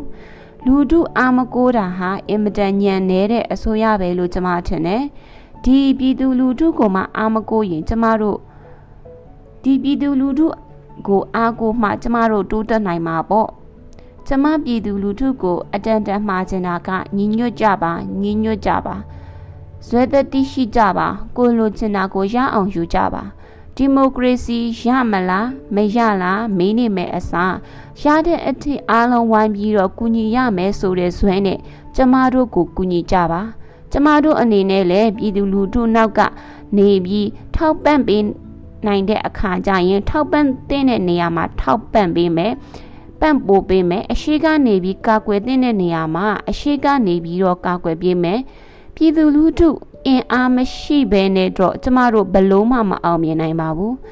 ဒီတော့ကျမတို့အဖွဲ့ချုပ်ရဲ့လုပ်ငန်းဒီမိုကရေစီလှုပ်ရှားမှုကြီးကိုအောင်မြင်စေချင်တယ်ဆိုလို့ရှိရင်ပြည်သူလူထုအားလုံးကနေပြီးတော့ထောက်ခံကြပါအားပေးကြပါ ကျမတို့ကအားကိုးနေရသူတွေမို့လို့ပါ လူပောင်တဲ့ဒီမိုကရက်တစ်ပါတီရုံးမှညနေ3နာရီတွင် ပြန်လည်ထွက်ခွာသွားပြီးမန္တလေးရရှိအမျိုးသားဒီမိုကရေစီအဖွဲ့ချုပ်ရုံးဆိုင်ဘုတ်တင်ဖွင့်ပွဲသို့တွားရောက်သည် ရခင်ကပိစာဖြစ်ပြုလုပ်ထားသည့်မန္တလေးရဲ့ဆိုင်ပုံသည်ဖြည့်စည်းခံခဲ့ရသဖြင့်သူ့ဆိုင်ပုတ်အသစ်ပြုလုပ်ကအောင်ဆန်းစုကြည်ရောက်ရှိနေချိန်၌ဆိုင်ပုတ်အသစ်ဖွင့်ပွဲကိုထပ်မံကျင်းပခြင်းဖြစ်သည်ထို့အချင်းအရာသည်မန္တလေးရဲ့အမျိုးသားဒီမိုကရေစီအဖွဲ့ချုပ်အဖွဲ့ဝင်များ၏ခိုင်မာလှသည့်တက်တိကိုပြလိုက်ခြင်းဖြစ်ပေသည်ယနေ့ညနေ၄နာရီခန့်တွင်မော်လမြိုင်မြို့အောက်လမ်းမကြီးရှိမြို့နယ်ရုံးများသို့တွားရောက် ပြီးအဖွဲ့ဝင်များနှင့်ဒီမိုကရေစီရေးရာများဆွေးနွေးခဲ့ပါသည်ဒီမိုကရေစီကိုတော့အင်မတန်ထောက်ခံစေချင်တယ်ဒီမိုကရေစီဆိုတာစကားလုံးပဲဖြစ်တယ်စကားလုံးပဲဆိုတော့တချို့ကဒီစကားလုံးကိုထောက်ခံရမှာစနစ်တစ်ခုကိုထောက်ခံရမှာထက်ပုံကိုတယောက်ကိုထောက်ခံရတာပိုပြီးတော့အားရတယ်ဆိုတာလဲကျွန်မနားလဲပါတယ်လူတယောက်ဆိုတော့မြင်နိုင်တယ်ကြားနိုင်တယ်အဲ့ဒီတော့အဲ့ဒီလူကိုအာယုံထဲမှာဆွဲထားနိုင်တယ် စနစ်ဆိုတော့အထူးသဖြင့်အများပြည်သူကဒီစနစ်ကိုနိုင်ငံရေးအသည့်အမြင်နဲ့တိတ်ပြီးတော့ဆွဆွဲလန်းလန်းမရှိလို့ရှိရင်ဒီစနစ်ကိုထောက်ခံဖို့ဆိုတာတိတ်ပြီးတော့လေးလေးနက်နက်မရှိချင်ကြဘူးဒါပေမဲ့ဒီမိုကရေစီစနစ်ထောက်ခံနေဆိုတာတကယ်တော့နောက်ဆုံးစဉ်းစားလို့ရှိရင်အများကိုထောက်ခံတာလည်းဖြစ်တယ်ကိုကိုကိုထောက်ခံတာလည်းဖြစ်တယ်ဒီမိုကရေစီစနစ်အောက်မှာအများအတွက်လည်းအကျိုးဖြစ်မယ်ကိုယ့်အတွက်လည်းအကျိုးဖြစ်မယ် ဒီတော့အခြားပုဂ္ဂိုလ်တူတယောက်ကိုထောက်ခံတာထက်အများကိုထောက်ခံပြီးကိုကိုကိုလည်းထောက်ခံနိုင်တဲ့စနစ်ဆိုရင်အကောင်းဆုံးပေါ့အဲ့ဒီတော့ဒီမိုကရေစီစနစ်ကိုထောက်ခံဖို့ဆိုတာအင်မတန်အရေးကြီးပါတယ်ဒီဟာကိုပြည်သူလူထုအားလုံးကနာကိုနားလေစေချင်တယ်ပြည်သူအားလုံးနားလည်မှသာလျှင်ဒီစနစ်ဟာအောင်မြင်နိုင်မယ်မွန်အမျိုးသားဒီမိုကရေစီအဖွဲ့ချုပ်ရောက်တုန်းကပြည်သက်ထဲကတယောက်ကကျမကိုထပြီးမေးပါတယ် ကျမဒီမိုကရေစီလှုပ်ရှားမှုထဲမှာပါဝင်နေတာဟာကြုံကြိုက်လို့ပါဝင်နေတာလားအစကတည်းကရည်ရွယ်ချက်နဲ့ပါဝင်နေတာလားလို့မေးခဲ့ပါတယ်ကျမကပြန်ပြေခဲ့ပါတယ်ဒီအချိန်မှာပါဝင်တာကတော့ကျမအမှန်တိုင်းပြောရရင်ကြုံကြိုက်လို့ပါဝင်တာပါကျမမေမေမမာလို့ကျမဗမာပြည်ကိုရောက်လာတယ်ရောက်လာတဲ့အချိန်တိုင်းမှာတိုင်းပြည်အခြေအနေဟာမကောင်းဘူးဆိုတာကျမမြင်ရတယ်မကောင်းဘူးဆိုတာအေဘီလာမှာ ရောက်လာကြတဲ့ကကျမမြင်ပါတယ်မြင်ကြတဲ့ကတခုခုလုပ်ရမယ်လို့ကျမနားလဲပါတယ်ဒါပေမဲ့လည်းဒီအချိန်ခါနဲ့ကြုံကြိုက်လို့ဒီလှုပ်ရှားမှုတွေမှာပါဝင်ခဲ့နေပေမဲ့ဒီမိုကရေစီစနစ်ဟာတိုင်းပြည်တိုင်းမှာရှိတဲ့နဲ့စစ်အာဏာရှင်စနစ်မရှိသင့်ဘူးလို့ကျမယုံကြည်တာကြားလာပါပြီကြားလာပါပြီဆိုတာဟိုးအရင်1958ခုနှစ်ပထမအကြိမ်အာဏာသိမ်းကလေးကကျမသဘောမကျခဲ့ဘူး သဘောမကျတဲ့အကြောင်းအရင်းကတော့တက်မတော်ဟာနိုင်ငံအာဏာသိမ်းဖို့ဖေဖေတီထောင်ထားတာမဟုတ်ပါဘူးဒါကြောင့်ဖေဖေကိုယ်တိုင်နိုင်ငံရေးလှုပ်တဲ့တက်မတော်ထဲကနေထွက်ပြေးလုပ်ပါတယ်ဒီလိုတက်မတော်ထဲကနေထွက်ပြီးနိုင်ငံရေးလှုပ်ခဲ့ရတဲ့အကြောင်းရင်းကတော့အစင်အလာကောင်းစေခြင်းလို့တိုင်းပြည်တပြည်ကိုလက်နက်အားကိုပြီးအုပ်ချုပ်တယ်ဆိုတဲ့ အလားအလာမဖြစ်စေချင်လို့တိုင်းပြည်ကိုအုပ်ချုပ်တဲ့ခေါင်းဆောင်ဟာပြည်သူလူထုထောက်ခံမှုအင်အားတွေနဲ့ပဲအုပ်ချုပ်တာဖြစ်ရမယ်။လက်နဲ့အင်အားနဲ့အုပ်ချုပ်တာမဖြစ်ရဘူးဆိုတာကျမမွေးကလေးကသင်ထားတာကျမသိတဲ့သင်ခန်းစာပါ။ဒါကြောင့်1958ခုနှစ်ပထမအကြိမ်စစ်တပ်အာဏာသိမ်းတုန်းကလည်းကျမမထောက်ခံခဲ့ဘူး။အဲ့ဒီတုန်းကကျမငငယ်လေးရှိပါသေးတယ်။အသက်73နှစ်ပဲရှိပါသေးတယ်။ ဒါပေမဲ့လည်းကျမအတိုင်းဝိုင်းထက်ကလူကြီးတွေဒါဒါဟာလုံးသိမ့်လုံးထိုက်တဲ့ကိစ္စမဟုတ်ဘူးဆိုတာတင်ထားခဲ့လို့ကျမအဲ့ဒီကလေးကနားလဲပါတယ်နောက်တစ်ခါ1962ခုနှစ်ကတက်မတော်ကထပ်ပြီးတော့အာနာသိန်းတုံးကလည်းကျမအဲ့ဒီအတိုင်းပဲမြင်ပါတယ်တက်မတော်ဆိုတာပြည်သူလူထုရဲ့အစီခံဖြစ်ဖို့ဆိုတာဖေဖေပြောပါတယ်ပြည်သူလူထုဟာတက်မတော်ရဲ့အစီခံမဖြစ်ရပါဘူး တက်မတော်ဟာပြည်သူလူထုရဲ့အစီအကံဖြစ်ရမယ်ဆိုပြီးဒီလူရည်ရွယ်ချက်နဲ့တည်ထောင်ခဲ့တဲ့တက်မတော်ဖြစ်ပါတယ်။ဒါကြောင့်မလို့နောက်တစ်ခါထပ်ပြီးတော့တက်မတော်ကအာဏာသိမ်းတဲ့အခါကျမနည်းနည်းမှမလိုလားခဲ့ပါဘူး။ဒီလိုမလိုလားတာဟာကျမဟာတက်မတော်အပေါ်စေတနာမရှိလို့မဟုတ်ပါဘူး။ကျမဟာတက်မတော်အပေါ်မှာအင်မတန်တန်ရောစင်ရှိပါတယ်။အင်မတန်စေတနာရှိပါတယ်။ ကျမအဖေတီထောင်ခဲ့တဲ့တက်မတော်ဖြစ်တာကြောင့်မို့လို့အဖေတီထောင်ခဲ့တဲ့အတိုင်းဖြစ်စေချင်ပါတယ်။အဖေရည်ရွယ်တဲ့အတိုင်းပြည်သူလူထုကိုတို့အားကိုးရာလှဲလျောင်းရာကိုကိုွက်ရာတက်မတော်ကြီးဖြစ်စေချင်ပါတယ်ဒါနဲ့ပတ်သက်လို့တပတ်လောက်တုန်းကမျိုးချစ်ရဲဘော်များဆိုင်းပုတ်ဖွင့်ပွဲတစ်ခုပြောခဲ့ပါတယ်ဟိုးအရင်လက်ဝဲတုံတရခေတုံးကပြောခဲ့တဲ့စကားတစ်ခုရှိပါတယ်စစ်နီးဖြူဟာဘလို့သားလဲလက် စစ်နီးဖြူဟာဘလို့သားလဲဆွဲကင်လက်နဲ့ဘလို့ထက်လဲပြည်သူနှလုံးမသိမ့်ကျုံလင်ပြည်သူစွမ်းအားမကိုးစားလင်ဓာသားလဲကြွေလှန့်လဲခွေအံ့တဲ့အတိဘယ်ကတော့တက်မတော်တစ်ခုဟာဘလောက်ပဲလက်နဲ့အင်အားကောင်းကောင်းပြည်သူလူထုရဲ့ထောက်ခံမှုမရှိရင်ဂုံတိတ်ခါရှိတဲ့တက်မတော်တစ်ခုမဖြစ်နိုင်ပါဘူးသူတို့ရဲ့ဓာသွားများဟာလည်း ထက်တင်တလောက်မထက်နိုင်ပါဘူးလှန်များဟာလည်းစွမ်းတင်တလောက်မစွမ်းနိုင်ပါဘူးတက်မတော်ရဲ့အင်အားဟာစွမ်းရည်ရှိဖို့ဆိုရင်ပြည်သူလူထုရဲ့ထောက်ခံမှုလိုပါတယ်ကျမတို့ကလည်းဒီလိုတက်မတော်ကြီးကိုဖြစ်စေချင်ပါတယ်အခုဆိုလို့ရှိရင်ဘယ်ပဲသွားသွားဆိုင်းပုတ်ကလေးတွေမြင်ရတယ်ဘန်သူခွဲခွဲတို့မကွဲအမြဲစီလုံးမြည်တဲ့ကျမကလည်းမေးလိုက်ချင်ပါတယ်ဘသူကခွဲနေလို့လဲကျမတို့ကကွဲစေခြင်းတဲ့စိတ်လုံးလုံးမရှိပါဘူး ဒီပြည်သူတက်မတော်ဆိုတာစီစီလုံးလုံးခိုင်ခိုင်ခန့်ခန့်ညင်ညင်ညွတ်ညွတ်ဖြစ်စေချင်တာပေါ့ကျမတို့ကလုံးလုံးမကွဲစေချင်ပါဘူးကိုလိပ်ပြကိုမလုံလို့ပြောနေရင်တော့လည်းမသိပါဘူးနိုင်ငံရေးပါတီများဟာနိုင်ငံရေးလုပ်သူများဟာတက်မတော်ကိုကွဲစေချင်တဲ့တက်မတော်ကိုထိခိုက်စေချင်တယ်ဆိုတာလုံးလုံးမဟုတ်ပါဘူးတကယ်တော့ကျမတို့ဟာအင်မတန်စေတနာတန်တန်နဲ့တက်မတော်ကိုဂုံတိတ်ခါရှိတဲ့အစီအယုံကြီးဖြစ်စေချင်တယ် ဒီအတိုင်းပဲဖေဖေမွေးထုတ်ထားတဲ့တက်မတော်ကြီးကိုဖေဖေပုံသွင်းထားတဲ့အတိုင်းဖြစ်စေချင်တယ်မှန်ကန်တဲ့နိုင်ငံရေးစနစ်မှာကျမတို့လိုချင်တဲ့ခေါင်းဆောင်တွေကို ကျမတို့ကဖော်ထုတ်ရမယ်လိုချင်တဲ့ပုံစံသွင်းရမယ်လိုချင်တဲ့ပုံစံကိုမသွင်းဘူးဆိုရင်ခေါင်းဆောင်လုပ်တဲ့သူများကတိုင်းပြည်ကိုသူတို့လိုချင်တဲ့ပုံစံသူတို့သွင်းလိမ့်မယ်အတိဘယ်ကဘာဖြစ်မလဲဆိုတော့အာနာရှင်စနစ်ဖြစ်သွားမှာပဲ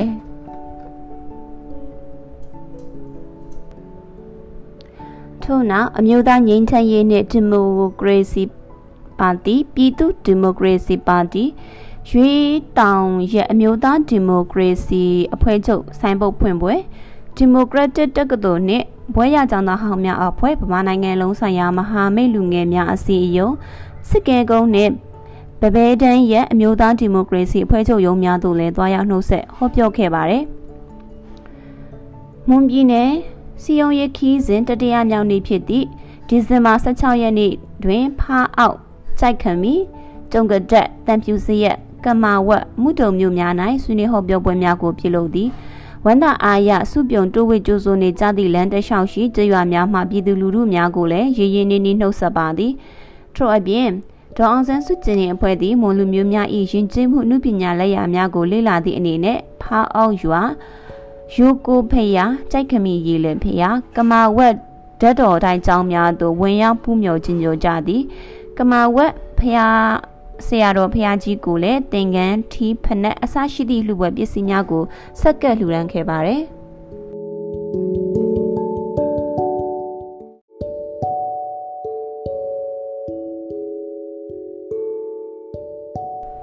ဖားအောက်ရွာ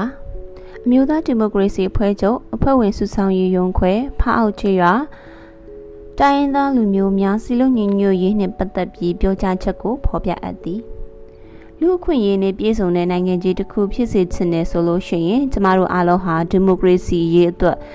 စိတ်တူသဘောတူညီညီညွတ်ညွတ်လုပ်သွားမှာဖြစ်လိမ့်မယ်အထူးသဖြင့်တိုင်းရင်းသားလူမျိုးများအချင်းချင်းညီညီညွတ်ညွတ်နဲ့စိတ်တူသဘောတူဖြစ်ဖို့ဟာအရေးကြီးပါတယ် ဒီပြည်တော်စုကြီးတည်တဲ့ခိုင်မြဲရေးဆိုတာလူမျိုးစုတစုတဲ့အပေါ်မမူတည်ပါဘူးကျမတို့ပြည်တော်စုကြီးကိုတိဆောက်ထားတဲ့တိုင်းရင်းသားလူမျိုးအားလုံးရဲ့ညီညွတ်မှုအပေါ်မှာမူတည်ပါတယ်ကျမတူတူလေးမေတ္တာရက်ခံချင်တာကတော့အမျိုးသားလှုပ်ရှားမှုကြီးအောင်မြင်ရေးအတွက်ကျမတို့ဟာတယောက်နဲ့တယောက်လူမျိုးဘာသာဂိုင်းကနာရဲ့လို့စိတ်ဝမ်းကွဲလွဲမှုတွေမရှိဘဲနဲ့တညီလက်ညီချီတက်သွားကြပါစို့လို့ကျမမေတ္တာရက်ခံချင်ပါတယ်။ ရိုးကိုရွာထို့နောက်ဖားအောက်ကြီးရွာမှာထွက်လာပြီးမွန်အမျိုးသားဒီမိုကရေစီအဖွဲ့ရုံးသို့ဝင်ရောက်နှုတ်ဆက်ခဲ့ပါတယ်။ဖားအောက်မှခီးတမိုင်အကွာရှိရိုးကိုရွာရိုးကိုဖျားအားစီတို့နနက်၈နာရီခန့်တွင်ရောက်ရှိခဲ့ပါတယ်။ရိုးကိုရွာတွင်ရိုးကိုဖျား၌ဒီမိုကရေစီရေးနှင့်ပတ်သက်ပြီးပြောကြားချက်မှအကောင့်နှုတ်ဖော်ပြပါတယ်။မွန်လို့အခုမပြောနိုင်တာလေတောင်းပန်ပါတယ်။မွန်လို့ပြောရင်တော့ပို့ပြီးတော့ကောင်းမှာပေါ့လေ။ဒါပေမဲ့ အခုတော့ဗမာလူပြောပါရစေကျမတို့စီယုံရေးထွက်တဲ့ဆိုတာတတိုင်းပြည်လုံးပြည်သူလူထုကထောက်ခံမှဒီမိုကရေစီလှုပ်ရှားမှုဟာအောင်မြင်နိုင်မယ်ဆိုတာယုံကြည်လို့ပြည်သူလူထုအပေါင်းကဒီလှုပ်ရှားမှုကိုထောက်ခံစေခြင်းလို့ကျမတို့ကစီယုံရေးခီးထွက်ခဲ့တာပါပဲတော်တော်များများကဒီမိုကရေစီလိုချင်ကြတယ်ဒါပေမဲ့ဒီမိုကရေစီရအောင်ဘယ်လိုလုပ်ရမလဲဆိုတာမသိကြဘူးတကယ်တော့ဒီမိုကရေစီရအောင်ဘယ်လိုလုပ်ရမလဲဆိုတာရှင်းရှင်းလေးပါအားလုံးကနေညီညီညွတ်ညွတ်နဲ့ မရမနေလုပ်ရမယ်အစိုးရများကိုတစ်ချိန်လုံးကြောက်နေရတယ်ဆိုတာလူအခွင့်အရေးနဲ့မနေရတာဒါကြောင့်လွတ်လွတ်လပ်လပ်နဲ့တခြားသူကိုအန်ဒီယမပြစ်ဘူးဆိုရင်ကိုလည်းပဲအန်ဒီယမရှိဘဲနဲ့နေနိုင်တဲ့အခွင့်အရေးများရှိရမယ်ဒီလိုအခွင့်အရေးမျိုးကိုကျမတို့ကရှာနေရတာပါလူထုများဟာတခြားလူတွေကိုအန်ဒီယမပြုတ်ရင်မိမိတို့လည်းအန်ဒီယကင်ဘေးရှင်းရင်ကိုယ်အသက်မွေးဝမ်းကြောင်းကိုလွတ်လွတ်လပ်လပ်နဲ့လုပ်ကိုင်နိုင်ဖို့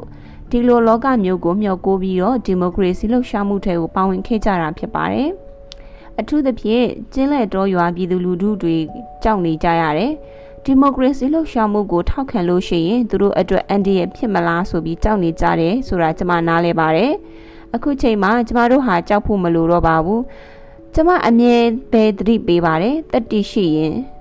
တတိရှိတယ်ဆိုတာဟာကြောက်စိတ်မရှိဘူးလို့ပြောတာမဟုတ်ပါဘူးကြောက်စိတ်ရှိရတဲ့အမှန်ကန်တာကိုလုံရဲတာဟာတတိပါပဲအဲ့ဒီတော့ကြောက်ကြောက်နဲ့ပဲအများကျိုးအတွက်အလုပ်တဲ့ကိစ္စအများကိုလုပ်သွားပါ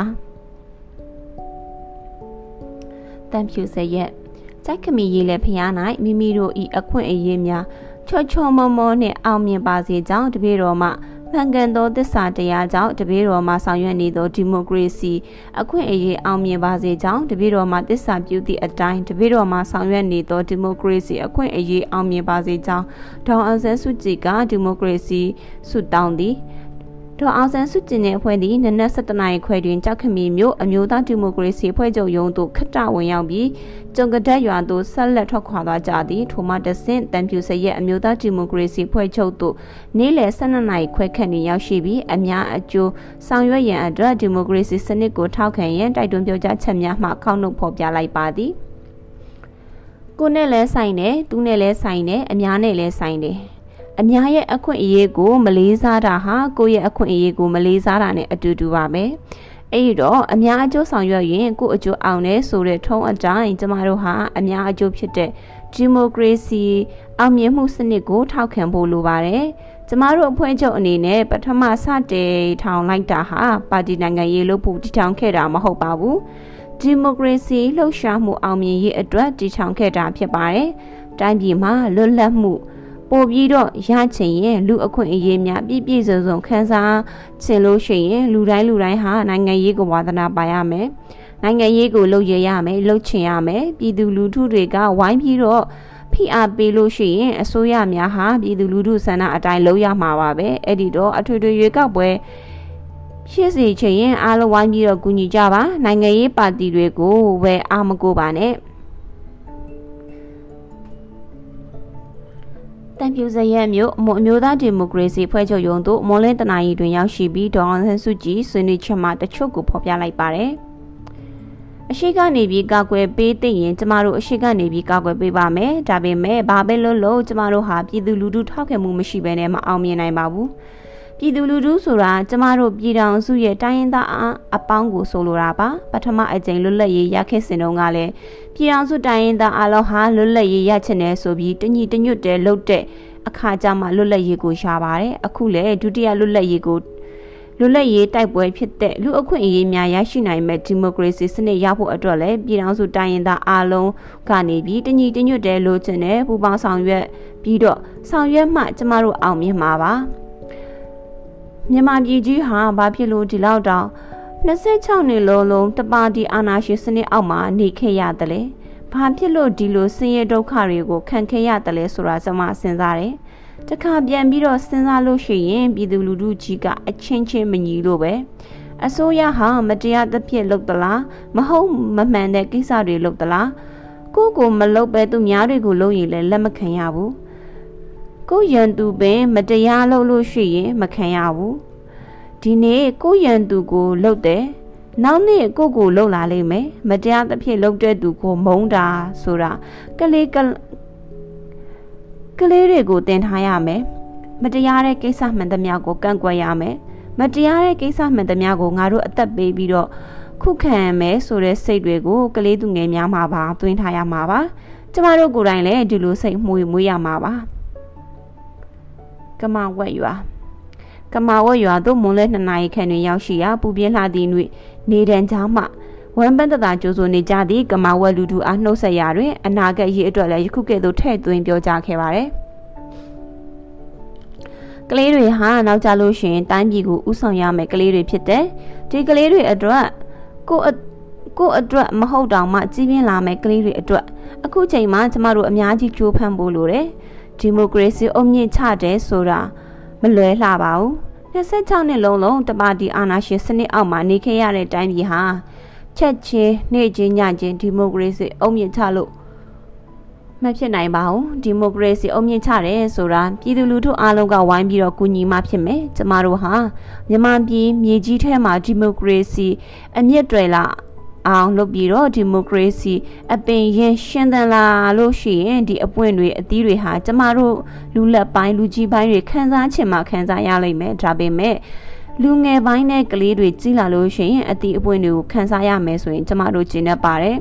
ဒီမိုကရေစီစနစ်မှာမိမိတို့အတွက်တိုးတက်အောင်လုပ်နိုင်တယ်တခါမိမိတို့သားသမီးတွေအတွက်လည်းတိုးတက်အောင်လုပ်နိုင်တယ်ဆိုတာတော့လူတယောက်ပြုခဲ့တဲ့ကောင်းကျိုးတွေဟာအဆက်ဆက်ဆက်သွားပါတယ် လူတယောက်ဟာမွေးလာပြီးတော့ကိုယ့်အတွက်ကိုလုပ်ပြီးတော့ကိုယ်ပဲစားပြီးတော့တည်သွားမယ်ဆိုရင်ဘာလုပ်တော့မှာလဲ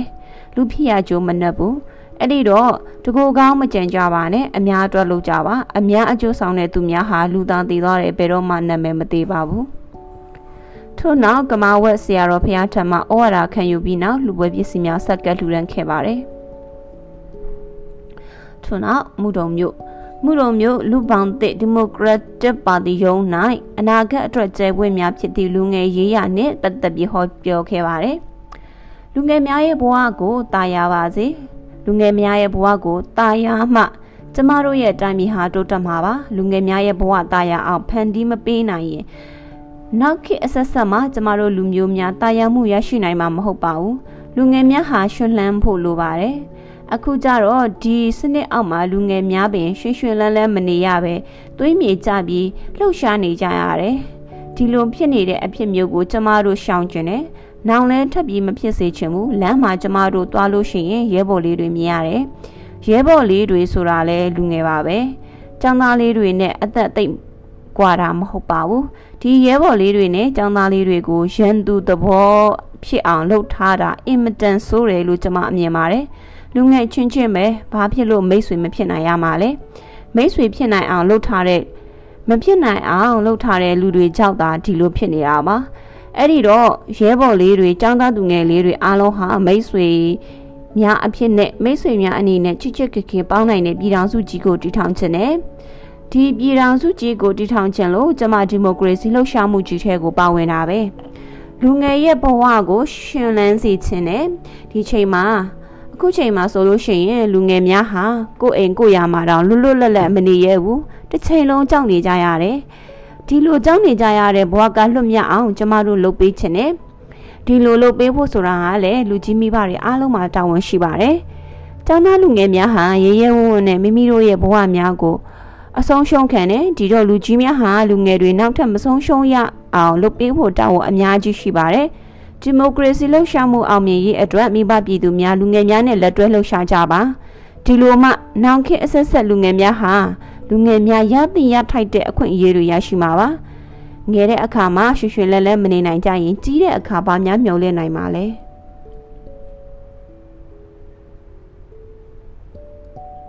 ညနေ၄နာရီခွဲခန့်တွင်ဒေါအောင်ဆန်းစုကြည်သည်မုထုံမျိုးမျိုးသားဒီမိုကရေစီဖွဲ့ချုပ်ရုံသို့တွားရောက်ဟောပြောခဲ့ပြီး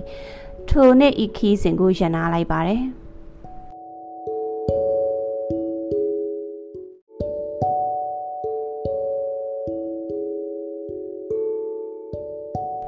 1988ခုနှစ်ဒီဇင်ဘာလ18ရက်နေ့နနက်ပိုင်းတွင်ဒေါအောင်ဆန်းစုကြည်နှင့်အဖွဲ့သည်မူရစ်ကလေးကျွာမှ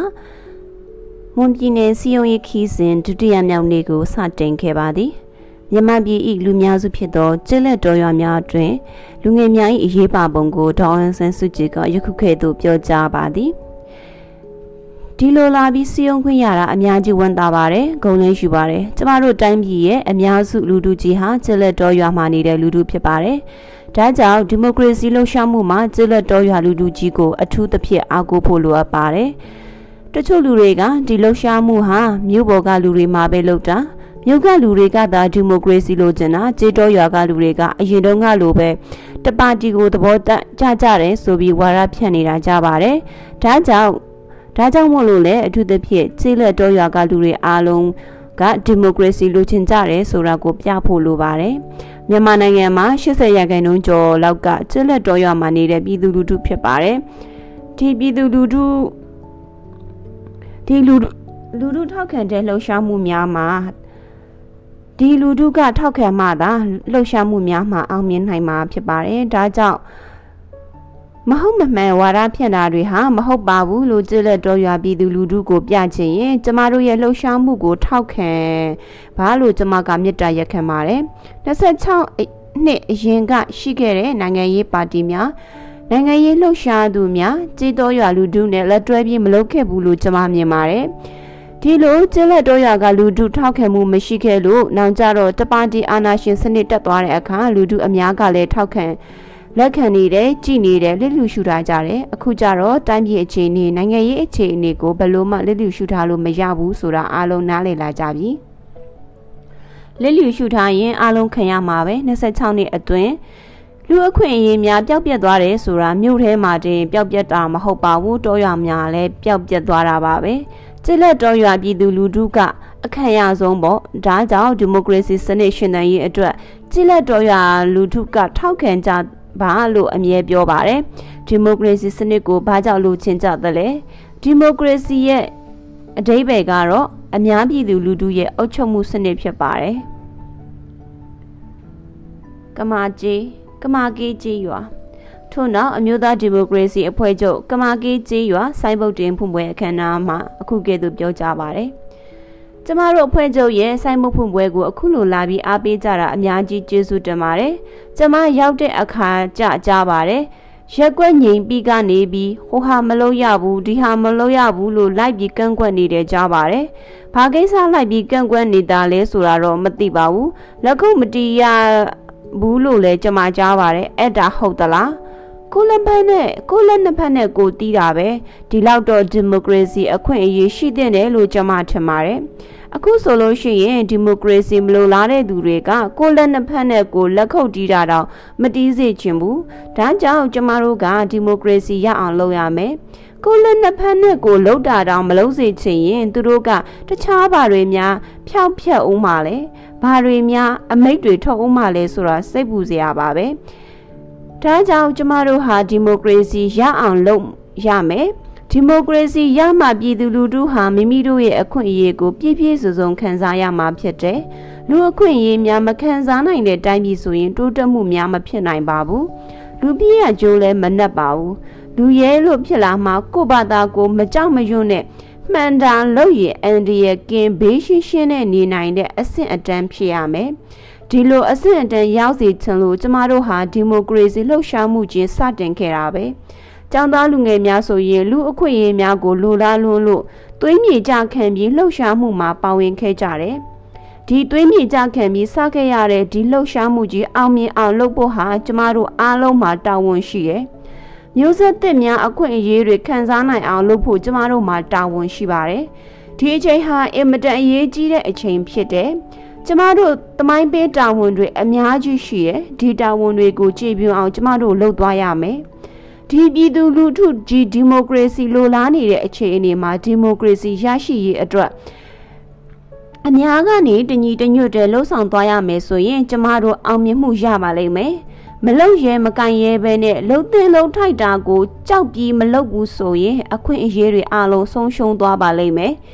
ဒီအခွင့်အရေးတွေဆုံးရှုံးသွားမယ်ဆိုရင်ဆက်ပြီးတော့နေရကျိုးမနှက်ပါဘူးကျမကတိုင်းပြည်အတွက်လည်းကျမတို့ဂုံသိပ်ကျမတို့တိုင်းပြည်အတွက်လည်းဘာကုန်သိက္ခာမှရှိမှာမဟုတ်ပါဘူးအဲ့ဒီတော့ဒီချိန်မှာတိုင်းပြည်ပြည်သူတရက်လုံးကဒီမိုကရေစီရရှိရေးအတွက်တတိရှိရှိအလုပ်လုပ်ကြပါကိုရှိရဲ့အခွင့်အရေးကိုလေးလေးစားစားနဲ့ကာကွယ်ကြပါသူများရဲ့အခွင့်အရေးကိုလည်းကာကွယ်ပေးကြပါ ဒီမိုကရေစီဆိုတာဒါပါပဲကိုအခွင့်အရေးလည်းရှိတယ်သူများအခွင့်အရေးလည်းရှိတယ်ကိုအခွင့်အရေးကိုကိုကာကွယ်ပိုင်ခွင့်ရှိတယ်။တမ ्या အခွင့်အရေးကိုလည်းလေးစားရမယ်။ဒီမိုကရေစီစနစ်မှာဆိုရင်အများစုသဘောအရအ ਨੇ စုလောက်ကြရတယ်ဆိုပေမဲ့အ ਨੇ စုကိုအများစုကအတိုက်ခံလို့နှိမ့်ဆက်တဲ့ညှင်းပန်းတဲ့အမျိုးမျိုးနှောက်ယှက်ပေးတယ်ဆိုတာမျိုးလုံးလုံးမရှိရပါဘူး။ ဒါဆိုရင်ကျမတို့မှာဘလို့ဖြစ်နေလဲဆိုတော့အ ਨੇ စုကနေအများစုကိုအခုဆိုရင်ကျမတို့မှာဘလို့ဖြစ်နေလဲဆိုတော့အ ਨੇ စုကနေအများစုကြီးကိုအမျိုးမျိုးအနှောက်အယှက်ပေးနေတယ်အမျိုးမျိုးနှိပ်စက်နေတယ်အမျိုးမျိုးညှဉ်းပန်းနေတယ်အမျိုးမျိုးဟန့်တားနေတယ်ဒါဟာအင်မတန်မဟုတ်မမှန်တဲ့စနစ်ကြီးပါဒီစနစ်ကြီးကျမတို့တိုင်းပြည်ကလုံးလုံးပြောက်သွားအောင်ဖျောက်ရမှာဖြစ်ပါတယ်အခု တက်နေတဲ့ငြိမ်ပိအစိုးရကလွတ်လပ်ပြီးတရားမျှတတဲ့ရွေးကောက်ပွဲလုပ်ပေးမယ်လို့ပြောထားပါတယ်။လွတ်လပ်ပြီးတရားမျှတတဲ့ရွေးကောက်ပွဲလုပ်ပေးတဲ့အခါကျရင်ကျမတို့ပြည်သူလူထုကနေပြီးတော့ဒီမိုကရေစီထိမ့်သိမ်းမဲ့အစိုးရကိုတင်မြှောက်ဖို့အများကြီးတာဝန်ရှိပါတယ်။ဒီမိုကရေစီကိုထိမ့်သိမ်းမဲ့အစိုးရမျိုးကိုမတင်မြှောက်နိုင်ရင်နောင်လဲထပ်ပြီးတော့အာဏာရှင်စနစ်ဖြစ်သွားနိုင်ပါတယ်။ ဒီလိုအာဏာရှင်စနစ်မျိုးအောက်မှာဆိုရင်ကျမတို့အခွင့်အရေးတွေထပ်တစ်ခါထပ်ပြီးပျောက်သွားနိုင်ပါတယ်။လွတ်လပ်ရေးတိုက်ပွဲတုန်းကကျမတို့တိုင်းပြည်ကတိုင်းရင်းသားလူမျိုးစုတွေအားလုံးလက်တွဲပြီးတော့အင်မတန်အနစ်နာခံပြီးမှပြည်တော်စုကြီးလွတ်မြောက်ရေးအတွက်လုပ်ခဲ့ကြတယ်။လွတ်လပ်ရေးရပြီးမှအကြောင်းကြောင်းကြောင့်ကျမတို့လူအခွင့်အရေးတွေပျောက်သွားပြီးတပါတီအာဏာရှင်စနစ်အောက်မှာပြန်ပြီးတော့ကြာခဲ့ရတယ်။ ဘာလို့ဒီလိုဖြစ်တယ်လဲဆိုတော့ကျမတို့ပြန်ပြီးတော့သုံးသပ်ဖို့လိုပါတယ်။လွတ်လပ်ရေးရပြီးခေတ်မှာနိုင်ငံရေးသမားများဟာပြည်သူလူထုနဲ့အတူလက်တွဲပြီးအလုံးမလုံးလို့ပဲလို့ကျွန်မကမြင်ပါတယ်။နနိုင်ငံရေးသမားများကနိုင်ငံရေးလုပ်တယ်ပြည်သူလူထုကမိမိဘာသာမိမိနေကြတယ် နည်းနည်းကင်းကွာနေကြတယ်လို့မြင်ပါတယ်နိုင်ငံရေးစနစ်တစ်ခုအောင်မြင်ဖို့အထူးသဖြင့်ဒီမိုကရေစီစနစ်အောင်မြင်ဖို့ဆိုတာနိုင်ငံရေးလုပ်သူများနဲ့ပြည်သူလူထုဟာအတူတူလှုပ်လို့ရမယ်ပြည်သူတိုင်းကနိုင်ငံရေးမှာစိတ်ဝင်စားရမယ်နိုင်ငံရေးဟာမိမိအရေးလို့နားလည်ရမယ်ဒီလိုလူတိုင်းကနိုင်ငံရေးဟာမိမိအရေးလို့နားလည်မှတိုးတက်နိုင်မှာပါကိုနဲ့မဆိုင်ဘူးကိုကိစ္စမဟုတ်ဘူးနေလိုက်လို့ရှိရင်ကျမတို့နိုင်ငံဟာ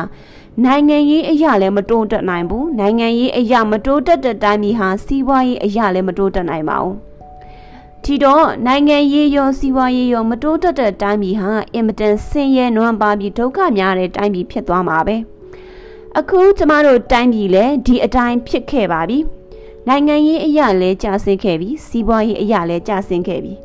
ဒီတော့နိုင်ငံရေးအရာစပြီးတီထောင်မှစီးပွားရေးအရာပြန်ပြီးတီထောင်ရမှာပါ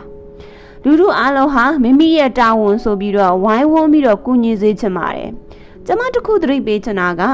ကျမတို့အခုတိုက်နေတဲ့တိုက်ပွဲဟာအချင်းချင်းတိုက်နေရတဲ့တိုက်ပွဲဖြစ်ပါတယ်ဒါကြောင့်အင်မတန်ဝမ်းနည်းကြေကွဲဖွယ်ရာဖြစ်ပါတယ်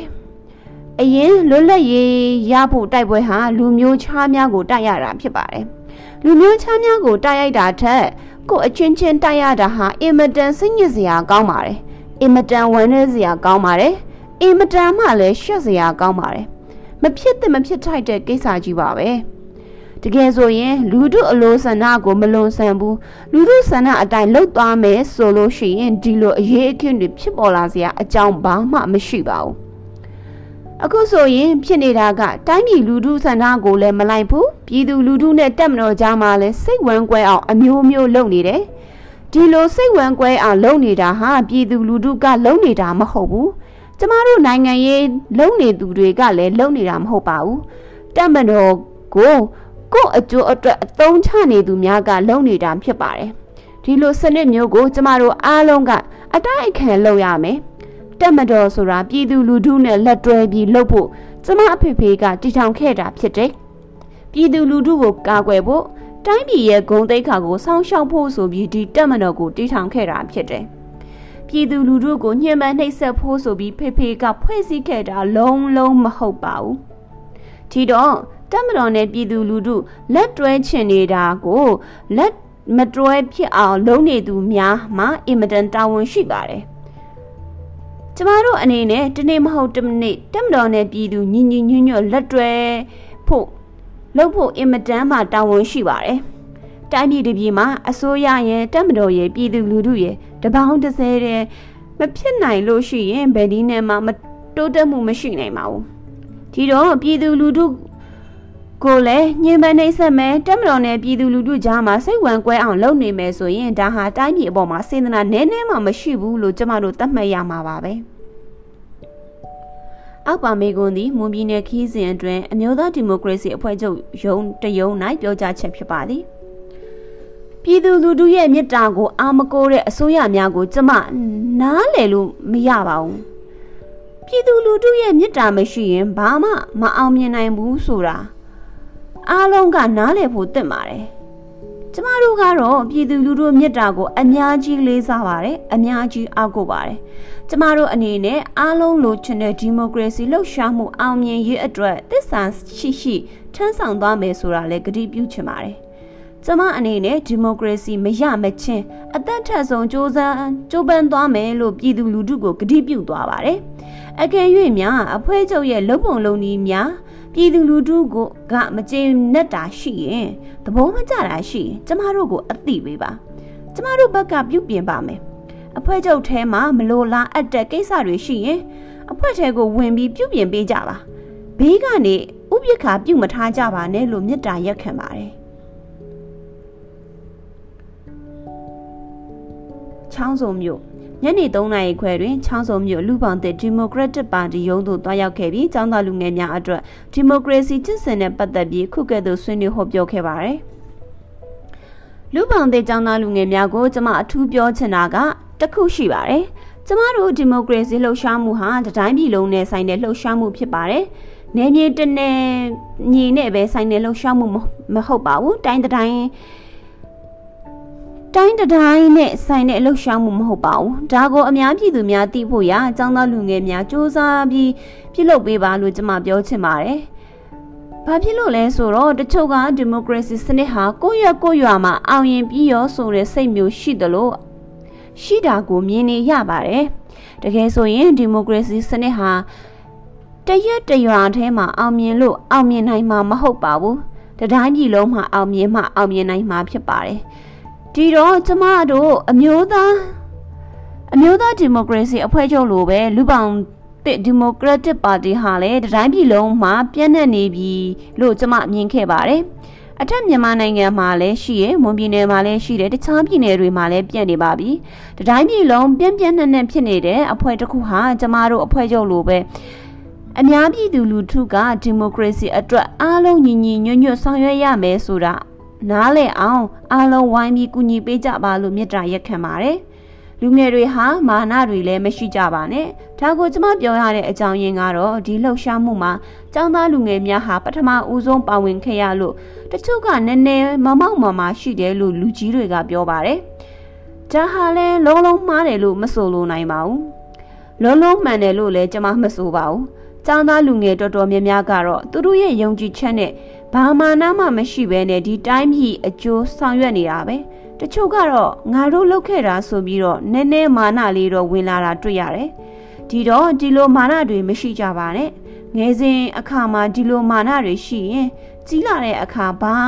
မှတန်ဖိုးမရှိတဲ့လူတစ်ယောက်မဖြစ်နိုင်ဘူးတန်ဖိုးရှိတဲ့လူတစ်ယောက်မဖြစ်နိုင်ပါဘူးလူငယ်များဟာပြုပြင်စရာတွေအများကြီးရှိပါတယ်ပြုပြင်ဖို့အချိန်တွေလည်းအများကြီးရှိပါသေးတယ် ဒီအချိန်တွေကိုအချိန်ပြည့်ကိုယ့်အတွက်အဖို့တန်အောင်ကိုယ့်တိုင်းပြည်အတွက်အဖို့တန်အောင်ကိုလူမျိုးအတွက်အဖို့တန်အောင်သုံးကြပါကိုကိုကိုတနေ့ထက်တနေ့ပိုပြီးတမိုးရှိတဲ့ပုံကိုတယောက်ဖြစ်လာအောင်ကြိုးစားကြပါကြိုးစားကြမယ်ဆိုရင်နောက်10နှစ်အနှစ်20အတွင်းကျမတို့တိုင်းပြည်ကြီးဟာအင်မတန်သာယာဝပြောတဲ့တိုင်းပြည်ကြီးဖြစ်လာနိုင်ပါတယ်အကယ်၍ 10နှစ်အနှစ်20အတွင်းမတိုးတက်ဘူးဆိုရင်ကျမတို့ပြည်သူလူထုရဲ့ချွင်းချက်ကြောက်ပဲဖြစ်ရမယ်